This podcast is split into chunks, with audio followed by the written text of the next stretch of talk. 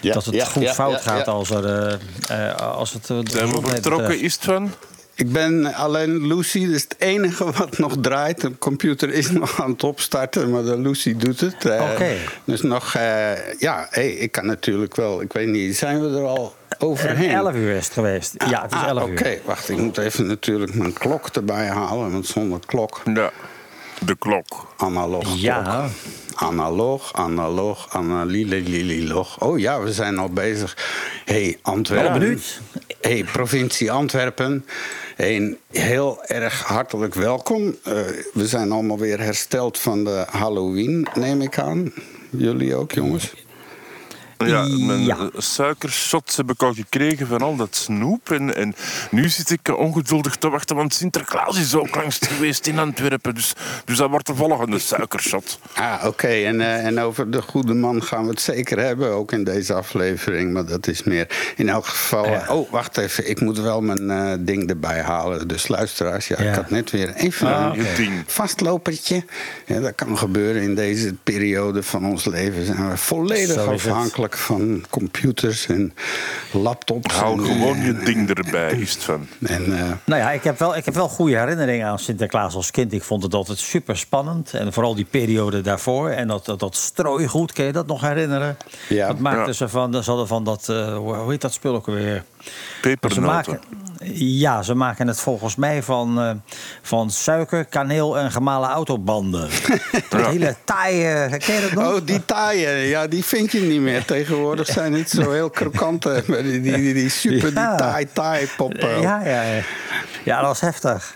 Ja, jou- ja oké. Eh, Het chatvenster is open. Iedereen is klaar voor de aanval. Ik denk dat we er maar aan gaan beginnen, lieve mensen. Hè? En dat doen we altijd met een praattafel 105. En op de radio nummer 8. 15 november 2022 in het corona-scene. Welkom aan Praattafel Radio op Centraal. Radio Centraal presenteert de Praattafel. Uw afspraak voor een goed gesprek. Het is van Mario en uw favoriete Chris. Zo is dat, luisteraars. Heel hartelijk welkom. Ik ben Istvan Lelussi. Ik resideer in Oud-Berghem aan de rand van Antwerpen. En eh, namens mij op een eh, iets helderdere dag vandaag, welkom aan tafel. Eh, Ja, en namens mij, Mario Reget, in, in Rotterdam. In de- er is nu weer markt. Ik hoorde het draaiorgel alweer voorbij komen. Altijd gezellig. Maar ook ik heet jullie natuurlijk van harte welkom. En uw favoriete Chris is er weer bij, fris en monter. Eh, op mijn computer staat dat het meestal zonnig is en dat ben ik zelf ook. Dus we gaan er gewoon in vliegen. Kom aan, Istvan, geef er een lap op. hey, gaan we jagen, jongen? Gaan we jagen? Ja, Hey, ja, want- ja, want we hebben maar weinig tijd en we hebben altijd wel veel te veel om over te babbelen. Hè? Dus eh, ja. En ik moet toegeven dat onze favoriete Chris vorige week gelijk had met de blauwe vinkjes. Inderdaad. Op een bepaalde manier. Daar gaan we het uitgebreid over hebben. Op een Eh, bepaalde manier. Hij maakte wel brandhout van de Twitterstelling en dan geen vals brandhout. Want dat, daar maken we ook brandhout van brandhout. Eh, we hebben het ook over een chirurgisch hulpmiddel. Geïnspireerd op de sluipwesp. Oh, dat is weer Mario, want er komen weer alliteraties. Eh, een, een, chirurgische sluipwesp. Over hoe je niet je pistool eh, wegsteekt. En over een nieuwe Zwarte Piet kinderboek. Ja, dat is in het nieuws geweest. In de Chris-story gaat het niet over de post, maar over wat er gepost werd. En ook over draadloze stroom. Bezoekers uit een ander zonnestelsel, jazeker. En structuren achter de Melkweg. Ja, wij kijken wel voor u. Hoeft u het niet meer te doen. Dus wij houden u helemaal op de hoogte wat er gebeurt hier in de buurt. En daarna sluiten we af met een mooi stukje waarbij Chris u weer gedicht erbij brengt. Met een gedicht van Dobles. En nog een boel dingen waarvan we het nog niet over gehad hebben. En nog steeds niet over hebben. En misschien wel zullen hebben. Maar in elk geval welkom aan deze boeiende. Nou ja, dat maakt u dan maar zelf wel uit.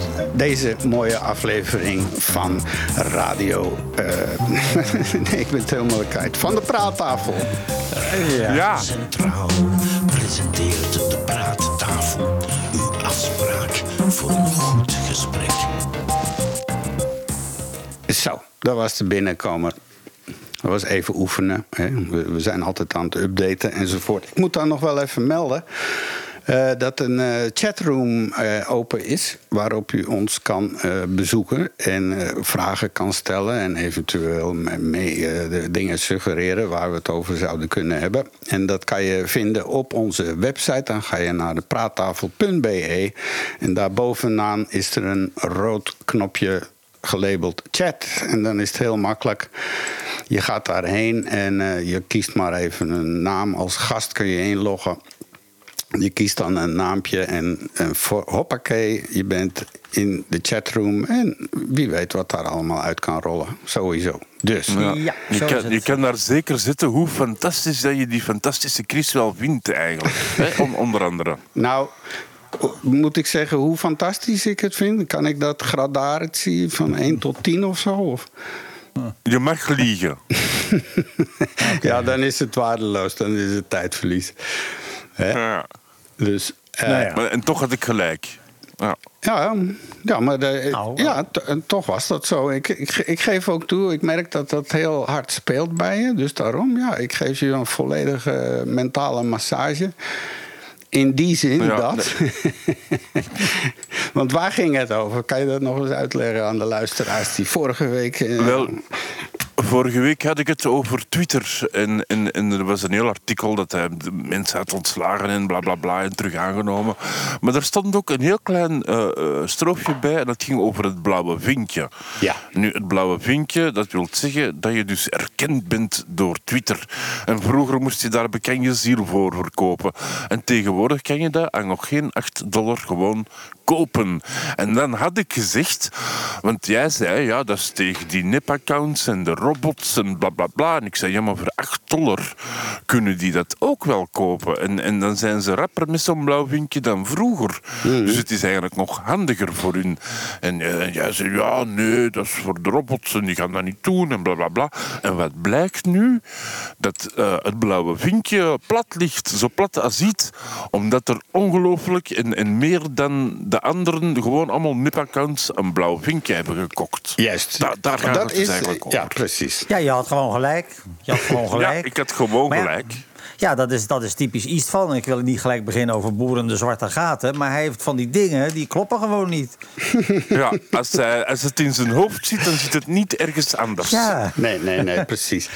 Nee, maar er zijn inderdaad een hoop valse accounts aangemaakt van mensen die dachten voor de grap, ik kan er wel 8 dollar tegenaan gooien en ik noem mezelf Een Elon hoop, Musk. een of, eh, stortvloed stond er in de krant. Een ja, een stortvloed, stortvloed. Dat kunnen er honderden of duizenden geweest zijn. Dat weet ik veel. Ja, maar het ligt wel plat. Dus Ja. het waren genoeg om, om een blauw blinkje plat te laten Precies. liggen. Dus, dus dat betaalmechanisme dat was nog tijdelijk al, al- alleen maar in Amerika en Australië en Nieuw-Zeeland beschikbaar. Hè. De rest van de wereld eh, blijft nog gewoon zoals het is. Maar kijk, ik, eh, laten we zeggen, laten we, we kunnen eens gaan luisteren naar de man zelf. eh, wat zijn bedoeling was met het laten betalen van die eh Ah, 8 heb je euro. hem gebeld? Ja, zeker. Zeker. En, wat, en hij legt het in, vrij kort uit. So the, if, if you're payment verified with a blue checkmark, then you're pre-prioritized. Um, and so this, this is, the, the point of this is to make crime not pay. Um, because, um, because right now to create a, a bot on Twitter costs less than a penny. Um, so the, the, the cost of crime is so cheap, and that's part of why crime um, and, and hateful conduct pays. But if somebody risks losing even eight bucks, they, they, they or you, you, it's, it's too expensive to now have a, a hundred thousand fake accounts because they have to spend eight hundred thousand dollars a month. Ja, dus zijn ding ging meer over die bedrijven of die wezens die dus 100.000 accounts maken. En die gaan geen 800.000 dollar per maand hè, betalen hiervoor. En kunnen die wel ongeverifieerde accounts maken. Maar wat hij dan zegt, dan, als jij dus een account hebt zonder eh, blauw vinkje, dan kom je op ongeveer pagina 9 terecht van de zoekresultaten met alles. Dus En, en ik moet daarop antwoorden dat ik Ja. het niet eens ben. Die, die mensen die honderdduizenden accounts, en dat kost dan maar 10 cent of zoiets dat hij zegt, per account, eh, eh, die hebben daar een reden voor. Een bepaalde reden laat ons zien. De vorige verkiezingen in Amerika Ja, ja. eh, waren het de Russen. Nee, één En, cent en ik kost denk... 1 cent per account. Dus, dus hij zegt het is een verschil tussen 800 dollar en 800.000 dollar per maand. Ja, is- maar is, ik denk eh, dat die Russen, als die de bedoeling hebben om de Amerikaanse verkiezingen te invloeden, dat, dat geld totaal geen rol speelt voor die mensen. ja. Zo Ja, simpel je- je is dat kan- gewoon. Dat, zal kunnen. Dan, eh, dan is, er wel weer een andere eh, opgave van hoe, hoe dat geld eh, wit in Amerika enzovoort. Maar ja, er is dus een, ding. Maar zegt hij, wat krijg je er dan nog meer voor terug van eh, als je die 8 dollar betaalt? But I think that there is an answer to that, which is to, to get um, as many uh, regular users of Twitter to um, be a, a subscriber for $8 a month. And you'll get a lot more than just the blue check mark for $8 a month, because now we can afford long form video, long, long audio, pod- podcasts. Um, and we can also start sharing revenue with, with content creators, which is essential. Ja, dus eh, het wordt een beetje een platform waarop lange video's, podcasts en alles. En ook wat ze gaan doen voor het eerst is dus eh, opbrengsten delen met de makers. Dus tot nu toe kon je alleen op Twitter ja, een link naar je show, een link naar je YouTube, een link naar je TikTok. En hij dacht ook van ja, die gaan lekker daar geld verdienen. Waarom niet hier? Dus. Dus eh, ze gaan het wel allemaal uitbreiden, dus dat je veel meer kan. En dan kan je dus inderdaad ook gaan verdienen, zoals op YouTube en op. eh, ja, je kan, er zijn tal van eh, Instagram waar je dus geld kan verdienen. Dat is een beetje zijn idee. Maar ja, hij heeft een miskleun gemaakt natuurlijk nu met dit blauwe vinkje. Daar ben ik met je eens. Ja, ik vind als, als Trump zegt van ja, ik vertrouw het niet, ik ga er niet bij, dat dat er wel een reden heeft. Want Trump heeft altijd gelijk. Trouwens, die ging vandaag, uitgerekend vandaag, ging hij eh, zeggen dat hij wel de verkiezingen gaat meedoen hè, de volgende keer. Ja, de, we wachten vol spanning af. We wachten vol spanning Ja. af. Ja, ik denk, eh, hij heeft toch wel een aardige bloedneus opgelopen met de laatste verkiezingen. Ik dacht het wel. Sterker nog, van, van al zijn getrouwen die hij dus op eh, hoge plaatsen wilde hebben, is er slechts één gekozen. Nou, dat is een redelijke teken aan de wand. Dus je hoort ook allerlei geluiden nu in de Republikeinse Partij. Willen we dit wel? Moet die man niet gewoon weg? Dus hij heeft het voor het eerst eigenlijk moeilijk. En dat vind ik wel heel leuk om te horen. Ja. Maar toch gaat hij zich laten verkiezen. Ja, ik had niet anders verwacht. Nou, de, ik hoorde een andere theorie vannacht op, een, eh, op MSNBC of zo. Er is ook een kans, wordt hier en daar gefluisterd... dat hij de mega party gaat oprichten. Dat hij dus een eigen partij op gaat richten. Want hij is het kot zat om tegen die de, de republikeinse dingen... want dat zijn allemaal losers nu in zijn... eh, oh, ja, dus dat is niet zijn schuld. Hè. Het zijn gewoon nu, En daar wil hij niks mee. Dus hij gaat nu waarschijnlijk... En dat is voor de Democraten natuurlijk goud. Want die, die gaat gewoon keihard eh, de, de Republikeinse eh, stem splitten, weet je wel. Maar dat Ja. is een andere optie. Daar kunnen we op wedden. Kunnen we een weddenschap op doen. En we kunnen het eh, volgende week in de volgende praattafel weten. Wie wil er iets op wedden wat het wordt? Ja, Ze maken er brandhout van, is het van? ja, ja, de Republikeinen willen hem nu niet meer. Want ze hebben nu in de gaten. Hij heeft feitelijk de eerste verkiezing met Hillary verloren. Met 2,5 miljoen stemmen. Enkel door die eh, statentoestand eh, is hij er doorgerold. En dan heeft hij zijn midterms gigantisch verloren. Natuurlijk 40 zetels verloren de Republikeinen toen. Dan heeft hij de presidentschap verloren. En nu heeft hij. er is zo'n eh, clip van hem van in het begin. Ik bezorg jullie zoveel winnen. We're gonna be winning so much. You're gonna be tired of winning. En zo. En ze zeiden nu, nou, we're tired of losing. Want vier keer achter elkaar heeft hij dus gewoon verloren. Zo, zo. ja mooi hè. Dus, Ja, Ja, en prima. zelf denkt hij dus dat hij gewonnen heeft, maar dat alles vervalst is. Hoe, hoe gek ben je dan? Ja, ja, ja. Nou, hij, is niet gek. Het is gewoon een manipulator en iemand die scheid heeft aan, aan, de, aan de werkelijke, aan, de, aan feiten. Een, een feit is in zijn ogen ook maar gewoon een mening. eh, wat eigenlijk op zich al te, te bizar, bizar is voor woorden. Nou ja, laten we hopen dat dit het begin van het einde van Donald Trump is. Nou ja, dat zal langzaam, eh, want hij denkt dat hij maar zijn greep op die partij is inderdaad nu uit zijn handen aan het glippen. En nou gaat hij de oorlog aan met die, met die kopstukken van de partij. En dan, eh, nou ja. Ja. Maar intussen sluit het net eh, om hem heen met al die rechtszaken. Dat komt allemaal steeds dichterbij. En eh, hij is alleen maar goed eigenlijk in het vertragen en tegenhouden. En eh, moties indienen om alles te vertragen. Maar toch Ja. is er een, het wordt steeds nauwer en strakker. In Georgia zijn ze nu zover bijna om hem aan te klagen voor dat telefoongesprek van... I need you Ja. to find 11,000. Ja, ja, ja. ah ja. Ja, ja. Het, is, het is bijna een burgeroorlog daar. Ik heb nog nooit een land gezien dat zo gepolariseerd is. Dus dat gaat nog wat worden. Ja, ja.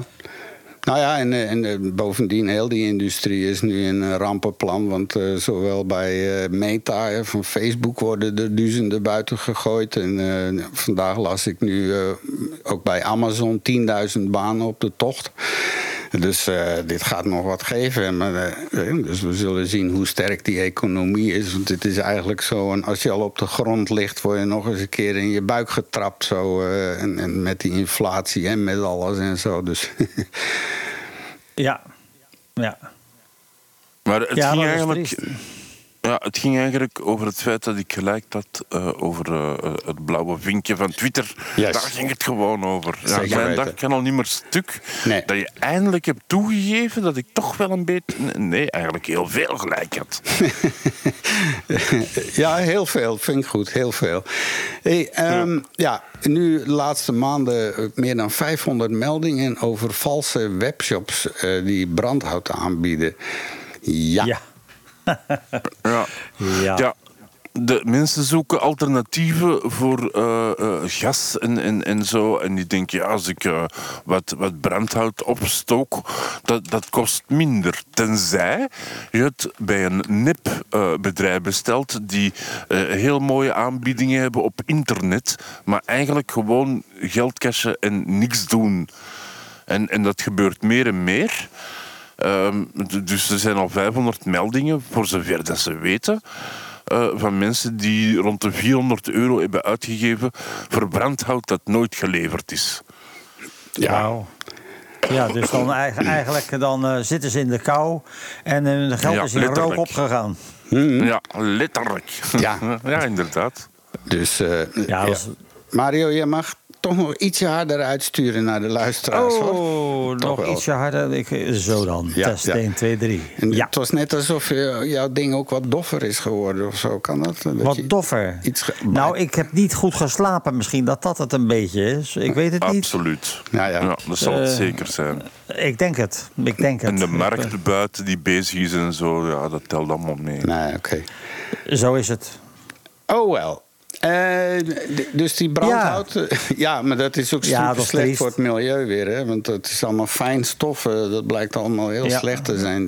We doen weer allemaal slechte En die koolwaterstof, hè, die, eh, die PFAS, PFOS, dat komt ook allemaal vrij natuurlijk. Eh, ja, poeh. Zit dat allemaal in dat brandhout dat er niet is? Nee, dat zit er helemaal niet in. Ik denk, kijk, even kijken of iedereen er helemaal bij is. Maar dat zit er dus inderdaad Ah, ja. niet in. Ah, Maar, ik dacht al. Oké, goed gehoord. Maar inderdaad, nee, het is, het is inderdaad voorna- voornamelijk fijnstof en roetdeeltjes, eh, noem het maar op. Dat is natuurlijk een nachtmerrie eigenlijk. Als je Ja, naast er zo kwam- iemand woont, dan, dan kan je dat gewoon een paar jaar van je leven kosten. Het, liep ook samen met een bericht, alleen samen, eh, eh, dat de CO2-vergiftingen ook aan het stijgen zijn. Eh, mensen gebruiken dus veel alternatieve dingen. Maar die, die CO2 die, die, die blijkt terug eh, enorm naar boven te komen. En er zijn van de week weer een paar mensen gestorven. Ja, CO. Ja, ik denk dat je CO bedoelt. Ja. Koolmonoxide, CO, ja. ja, sorry, excuseert. Het Ja. is voor mij ook ochtend. Ja, eh, leg dat maar eens uit aan al die harde werkers die nu eh, Mhm. al langzaam kijken naar het lunchuur en zo. En ik moet nog even een Ja, half uur doorpezen. ja. nou ja. Met een glas wijn in de hand. Hè? Dus, hey, maar we hebben wel een. eh, Ja. over, hey. Vandaag, fantastisch nieuws, jongens. Vandaag wordt officieel de 8 miljardste mens geboren. Op deze wereld. Maar wat is zijn naam? Ja. Hè? Wat is zijn naam? Dat, dat weten we niet. Dat weten we Ah, niet. dat weten we nog is, niet, Dat oké. is, eh, ja, hoe dat, eh, het is gewoon officieel, want de Verenigde Naties zeggen het, Chris. Dat moet je gewoon ah, knikken, accepteren. Ja, Ja, als het zeggen, dan kan het niet anders. Ja, hoofd omlaag en diep respect en eh heel to Nou, the United Nations. En het zou zomaar kunnen zijn dat als China inderdaad dat, dat nog verder doorzet, die controle, dat overal in de hele wereld camera's hangen, uiteindelijk, dat dat uitgolft. Dan weten we daadwerkelijk wie de 9 miljardste wordt. Want dat kunnen ze dan zien. ja, Ja, live op internet kunnen we dat dan volgen. Ja, De geboorte. Ja. zeker weten. Maar, eh, eh, maar het is maar 8 11 miljard. jaar tussen 7 en 8 miljard. Hè? Dat is maar in 11 Ja, jaar. ja. Het gaat wel dus inderdaad zoals een hockeystickcurve helemaal... eh, hè? het is, een, het is een logaritmische curve aan het worden. Dat gaat wat worden. Ik bedoel, als je te veel ratten in een kooi zet, dan vreten ze elkaar ook op. Hè? Mhm. Nou ja, dus een boeiend artikel op de VRT die dat allemaal uitlegt. Het is natuurlijk een beetje symbolisch, want ze weten niet zeker of eh, met dat, dat, dat, dat. Maar eh, ja, dat zijn hele spannende dingen. In India is, eh, gaat China voorbij. Dat wonen op dit moment al 1,3 miljard. En eh, dus die, die gaan Ja. de Chinezen, want de Chinezen zitten met een enorm vergrijzingsprobleem. Ja, de één-kind-politiek is daar natuurlijk eh debet aan. Ja, dat is. eh, en nu zijn ze dus inderdaad zover. We zijn aan het vergrijzen. Iedereen moet nu kinderen gaan maken. Dat promoten ze ook. Alleen niemand wil dat, want iedereen vindt het daar wel fijn. Eén kind, heb je niet al te veel zorgen, heb je niet al te veel kosten. Dus dat is echt een serieus probleem daar. En, ook, eh, en ook inderdaad het feit dat een jongetje veel meer waard is dan een meisje. Dus ook daar hebben ze de genetica omarmd. En je kan dus door middel van eh, eh, de, nodige technieken, kan ik ook uitleggen hoe dat werkt, kan je dus ervoor kiezen welk kind je wilt hebben. Een jongetje of een meisje. Dus je begrijpt het al. Er worden te veel jongetjes geboren die steeds minder meisjes kunnen uitzoeken. Ja, ja, ja het, is, het, is, het is al nu al een behoorlijk eh, out of whack daar, uit, uit, balans. Maar Ja. ja, ja en, maar met die vergrijzing erbij enzovoort gaan die dus echt een enorme... Ze zeggen zelfs eh, het gaat halveren over 50 jaar of zo. Eh, nou ja, benieuwd wat Ja. meneer Xi, Xi Jinping daaraan gaat doen. Want hij is nu de grote nieuwe leider, hè, dus Ja. geen In de, tegenspraak. In de voetsporen van Mao. Ja. Heeft zijn eigen rode boekje. Hè. Het gedachtegoed van Xi Jinping is nu de ziel van de natie. Ja, ja, ach, ach. Als je kijkt hoe het, eh, wat, wat Mao voor elkaar heeft gekregen... en hoeveel mensen er daar gestorven zijn... is het ook onbegrijpelijk dat ze die man ook nog steeds vereren daar. Maar goed, ik zal ze nooit begrijpen. ja, nee. Hé, eh, oké, we krabbelen langzaam voort op deze ochtend. En eh, ik weet niet wat er nog allemaal in het nieuws was. Of bewaren we dat voor eh, de, het eind van de rit? Of eh, gaan we gewoon door op de trein? Ja, absoluut. Nee, ik denk de 8 miljardste mens wordt geboren. Ik had de neiging om Happy Birthday te zingen, maar de rechten kosten daar te veel voor. Dus we gaan gewoon naar de volgende, denk ik. Ja, ja. Vind ik ook. Alright, eh, nog even herinneren als mensen de trek in hebben. Ze kunnen met ons chatten via onze chatroom. En dan ga je naar praattafel.be. Een rode knopje helemaal bovenaan staat bij chat. En dan eh, kom je vanzelf in de room. En dan zijn we maar eens benieuwd wat we kunnen doen. Eh, we gaan over naar het volgende. Waar was dat ook alweer? Ehm, Biochemie. Wat we kunnen leren van de natuur. Mario verdwaalt in het land van bio. Bom, ja. Ik wil, dat, ja. ik wil het vandaag gaan hebben over sluipwespen. En dat, is, dat zijn natuurlijk hele boeiende diertjes. Althans, eh, volgens menselijke maatstaven zijn het hele enge diertjes. Ja. Als je tenminste de menselijke waardes op praat. Want ze hebben met name de, de, de, met name de ichneumide, eh ichneumoniede we- eh, sluipwespen... Die, in, eh, die hebben een legboor, een zogeheten ovipositor. En dat is een En soort wat? deelboor. Die, een ovipositor. Dat, En, dat is een een legboor. En, dat Ja. moet je even ondertitelen hoor. Eh, Sorry, een legboor. Nou, ze hebben een soort buisje, die hangt aan hun kont. Die zit meestal opgevouwen onder het lichaam. En vinden ze dan een smakelijke rups, dan gaat de kont omhoog. En dan, dan als een soort boor boort die buis zich in die rups. En eh, door die buis wordt een eitje naar binnen gebracht, of meerdere eitjes. Die komen in die rups terecht. Die rups heeft in het begin nog niet al te veel door. Alien. Maar uiteindelijk, ja, en uiteindelijk eh, komen die eitjes uit en die eten vervolgens de levende rups leeg. Ja, Dus dat, dat vinden wij zelf een buitengewoon onsmakelijk gebeuren. Behalve veel dat weg we van daar eens inderdaad- speelfilms van maken. Zoals Alien. Ja. eh, De hele serie Ja. van Alien. Ik denk dat die... Lijkt er heel veel op, ja. nou ja, kijk, dat, dat, kijk die ich- ichne- ichneumoniede sluipwespen, die doen dat. Maar dat, eh, er zijn nog veel meer sluipwespen. Sterker nog, er zijn 22.000 beschreven soorten.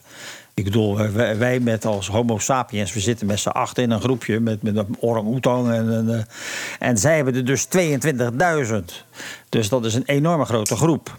Maar het zijn eigenlijk allemaal zo'n beetje sluipmoordenaars. Want je hebt bijvoorbeeld ook de spinnendoders. Nou, dat is ook een goed voorbeeld. Eh, die, dat zijn vrij grote wespen. Eh, en die eh, leggen een eitje, die, die vallen een spin aan, springen er bovenop. En verlammen de spin, dat is dus het, de volwassen spin. En leggen daar een. en met, die verlamming kan dat die spin niks meer. Die, die hele spin wordt het nest ingetrokken van die sluipwesp. En als de eitjes uitkomen, dan vreten die dus die levende spin op. En met name bijvoorbeeld, en dat, dat zijn serieuze dieren. Als je bijvoorbeeld neemt de tarantula-sluipwesp. Nou, dat is, eh, eh, dat is heel erg. de- daar moet je ook zelf voorzichtig voor zijn.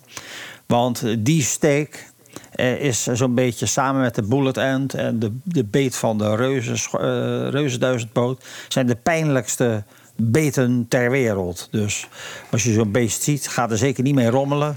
En eh, heb er respect voor, want dat is buitengewoon onaangenaam. Eh, Het zijn net ook van die, over, over die pijn. Hè? Je hebt toch van ergens in eh, Zuid-Amerika ook zo die ritueel waarbij die mannen hun eh, hand in een Oh ja. handschoen moeten steken en die worden dan Ja. Ja. Ja, dat is vreselijk. Die mier die heet ook niet voor niets bullet ant, omdat de pijn te vergelijken is met de inslag van een kogel. Dus. En, en, en als je ook, en ja, en als je ook bijvoorbeeld, ik, eh, als je bijvoorbeeld ook de reuzenduizendpoten hebt. Ik heb er twee van in mijn collectie, die heb ik zelf gevangen, maar dat heb ik heel voorzichtig gedaan. Want in Thailand staat die bekend als de pet killer. Met andere woorden, eh, kleine hondjes gaan gewoon de pijp uit. Dus dat zijn best wel serieuze dieren. Maar goed, die sluipwespen. Dat zijn hele gebouwde eh, insecten. Vandaar het begrip wespentaille. Dat kent iedereen wel. Dus dus een hele dunne overgang van het borststuk naar het achterlijf. En het zijn vaak kleine eh, wespjes. Maar eh, die legboor, oftewel die ovipositor, dat drillmechanisme... dat is een heel interessant iets. Want hij is ongelooflijk dun... Hij kan zijn weg zoeken in, eh, in door bochten heen. Dus hij is dus flexibel. Want, ze, want je hebt bijvoorbeeld ook sluipwespen die jagen op eh, insecten die zich in fruit hebben eh, gegeten. Denk maar aan de bekende wormstekige appel. Dus die kan ook om dingen heen gaan, die boor, en toch die, dat, dat, dat insect vinden. En er zitten geen spieren in dat ding. Helemaal niet. En het is ook niet zo. En het is ook niet zo dat die eh, wesp met zijn kont aan het douwen is om die legboor in die appel te krijgen. Nee, die legboor, zo klein als dat die is, trekt zichzelf eh, het weefsel in.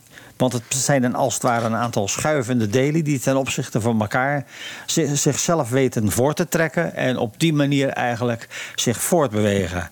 Nou, dat is natuurlijk een ongelooflijk iets. En nu is er een onderzoeksgroep in, eh, in Delft. Eh, een onderzoeksteam, TU Delft moet ik zeggen. Eh, die hebben dus eh, een, een systeem ontwikkeld, een, een, een ultradunne, flexibele en bestuurbare naald gebaseerd op die wesp. Oké. En dat is natuurlijk heel bijzonder. Want het is dus iets wat ze- zichzelf het weefsel intrekt. Dus je hebt geen druk van buitenaf nodig. En het, ze hebben dus daar de, de dunste naald ter wereld ontdekt. Die bestaat uit zeven afzonderlijke bewegende en vers- verschuifbare stangetjes. Eh, en het, kan, het, is, en het, het zijn eigenlijk zeven superelastische staafjes. En die dus met eh, oppervlakteafhankelijke wrijving, zoals ze dat dan noemen, eh, het, eh, die naald als het ware naar voren trekken. Dus ze kunnen nu al zachte S-bochten maken. En, eh, en het is te combineren met het afleveren van medicijnen, want het is een heel dun kokertje. Gaat dit lukken, dan gaat dat nogal wat betekenen. Want dan bijvoorbeeld eh, nu, als er bijvoorbeeld nu een hersentumor, als je nu een hersentumor hebt en die zit heel diep, dan kan je het schudden, want daar kan je niet bij.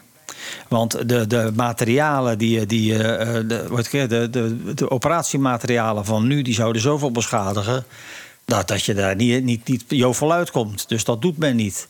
Maar met dit systeem natuurlijk wel. Dan zou je inderdaad echt een tumor midden in je hersenen kunnen bereiken en daar je medicijn afleveren. Dus gaat dit lukken, dan zou dat fantastisch zijn. En dat is eigenlijk eh, eh, mijn verhaal van de week over de sluipwesp.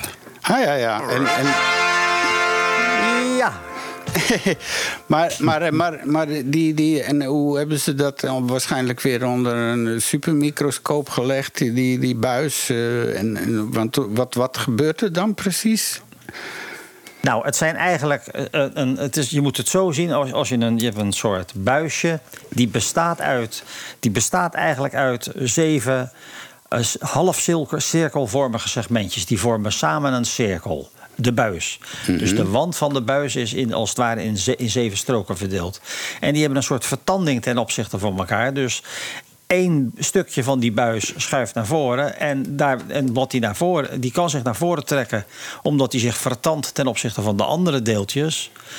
En op dat moment kan het volgende segment zich naar voren trekken. Het trekt zichzelf als het ware, omdat het uit delen bestaat die langs elkaar schuiven en, en, en een soort vertanding zit, trekt die, eh, die naald zichzelf het weefsel in. En dus niet meer van druk van buitenaf. En dat is natuurlijk een heel bijzonder concept. Wauw. Wauw, ja, ja, ja. Dat is, god, dat is toch wel waanzinnig. en, en je, moet maar kijken, waanzinnig. je moet maar kijken, wie komt er nou weer op het idee om, om, om, dat, eh, om, zo'n boor, eh, zo'n legboor te gaan bekijken allemaal. Dat is toch geweldig. Ja, nou ja, het, het, is, het is er. Het zit in de natuur en daar gaat deze rubriek over. Het, er gaan de miljoenen jaren evolutie eh, hebben dit ontwikkeld. En daar maken wij nu gebruik van. Ja, en al die miljoenen jaren hebben ook al de mislukkingen uitgeprobeerd enzovoort. Dus intussen is dat eh, zeg maar geperfectioneerd, zou je kunnen zeggen. Want eh, dat is ook wat evolutie doet. Die, die probeert ook dingen uit. En ja, dan. Uiteraard. En Ja. dat is trial and error een beetje hè, over de, over de Uit- millennia. uiteraard. Ja. Dus het is een, eh, eh, ja... Kijk, ze dachten ook het concept was... die, die legboor is zo dun dat daar geen spiertjes in passen. Dus dan is er... De enige logische consequentie is dat het een biomechanische oplossing is. Ja, en als iets biomechanisch is... ja, dan kan de mens dat in principe nabouwen. Dus is op zich is dat... eh, dus dit is natuurlijk helemaal te gek. Ja, zoals pingpongende hersens en zo. eh. ja, de- ja de, het is een wondere wereld aan het worden. Ja, ja, dat, eh, dat was we nog allemaal mee gaan maken, Mario, op onze oude dag. Hè? Dus- Het is fascinerend, Ah. absoluut. Alright. Eh, nou, eh, dat was heel boeiend. eh, mooi uitgelegd. Dus een, een eh, chirurgisch hulpmiddel geïnspireerd. Pardon. Op de, op de sluipwesp. Ja. En, en hoe ver zijn ze er eigenlijk al mee om dat om te zetten? Nou, er, zijn, eh, er is nu een prototype die prima werkt. Het is nog iets te groot. Ze, gaan het, ze zijn het nog bezig het verder te minutialiseren. En dan de verwachting is dat ze met een paar jaar eh, daadwerkelijk eh, zeg maar, daar wat mee kunnen gaan doen. Dan krijg je natuurlijk eerst nog een, een allerlei studies. en dan moet het eer het echt op de markt is. Dat duurt vrij lang, omdat ze daar heel erg zorgvuldig in zijn. Maar het, het is wel eh, iets wat, wat in de toekomst zeker gebruikt zal gaan worden, denk ik zelf. Hmm. Ja. Eh, Het is bijvoorbeeld nu ook een, goed- ook een goed voorbeeld is als je bijvoorbeeld nu een zenuw stil wilt leggen. in verband met een, eh, met een weet ik veel wat, met een aandoening of zo. En die zenuw zit, laten we zeggen, in je arm.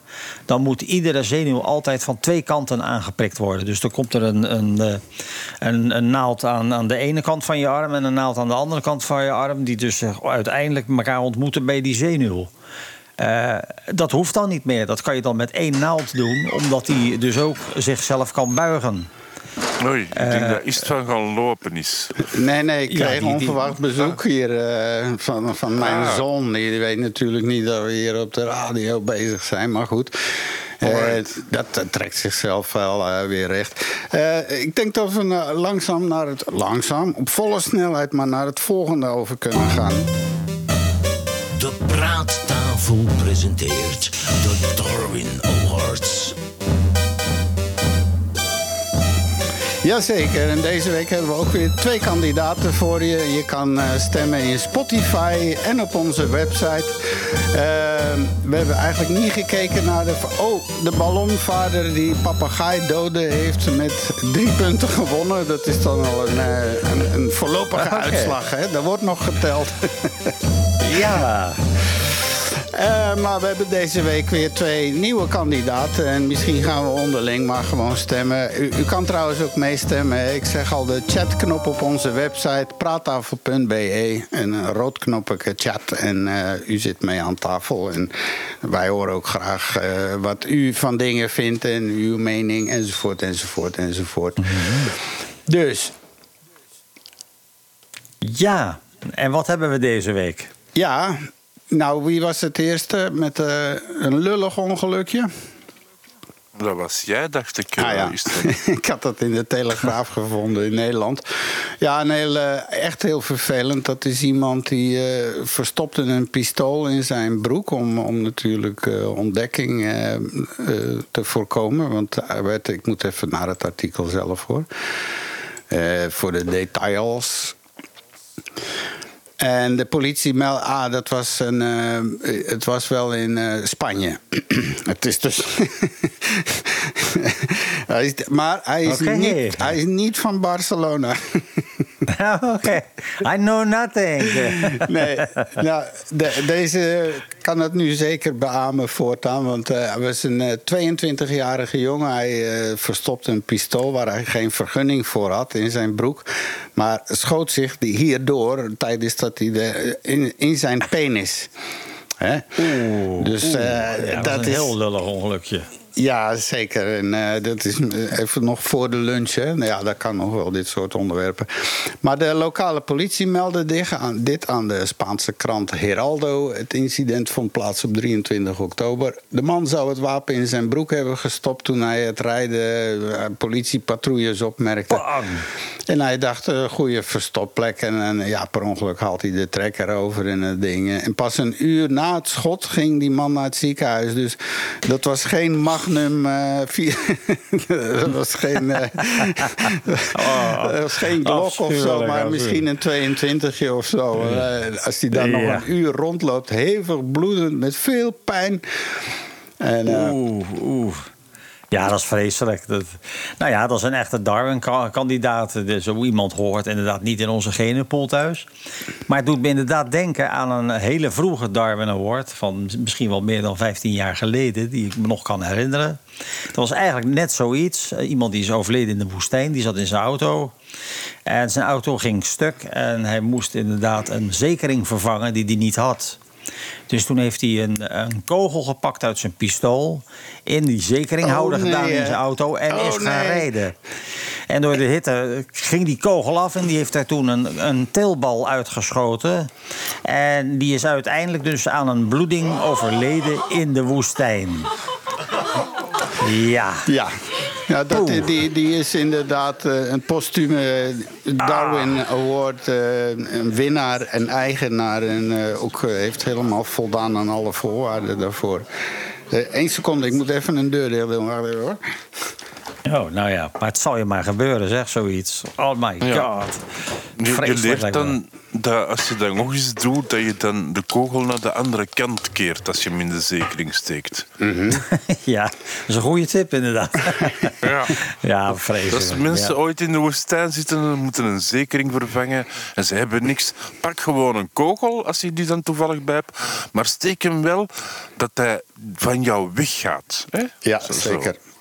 Oké. Ja. En Ja, dat ja. ricochetteert niet. dus het Ja, kan best zijn zeggen? dat hij eindigt in je slaap in plaats van in je teelbal. Ja. Eh, ja. Ik kan me daar allerlei dingen voor voorstellen. Oh, zo'n vreselijk. auto. eh, ja. Je hebt te veel fantasie, is het van. Ja. ja, maar dat klopt. Ik maak ook zo films en ik verzin dingen en zo. Dat is leuk. Ja. Het is inderdaad, ik heb heel veel. eh, alles is een complot, alles is een complex. Alles Ja, is, hij, hij is, hij is een Ah, prof- bent professionele fantast. Ja, Zeker. professionele fantast. Oké, dus. Kandidaat 1 eh, is de Spaanse jonge man van 22 die het handig vond om zijn eigen eh, penis, zijn eigen plasser, te doorboren met een kogel door hemzelf afgevuurd vanuit zijn broekzak. Jazeker. Noemt dat niet een prins Albert?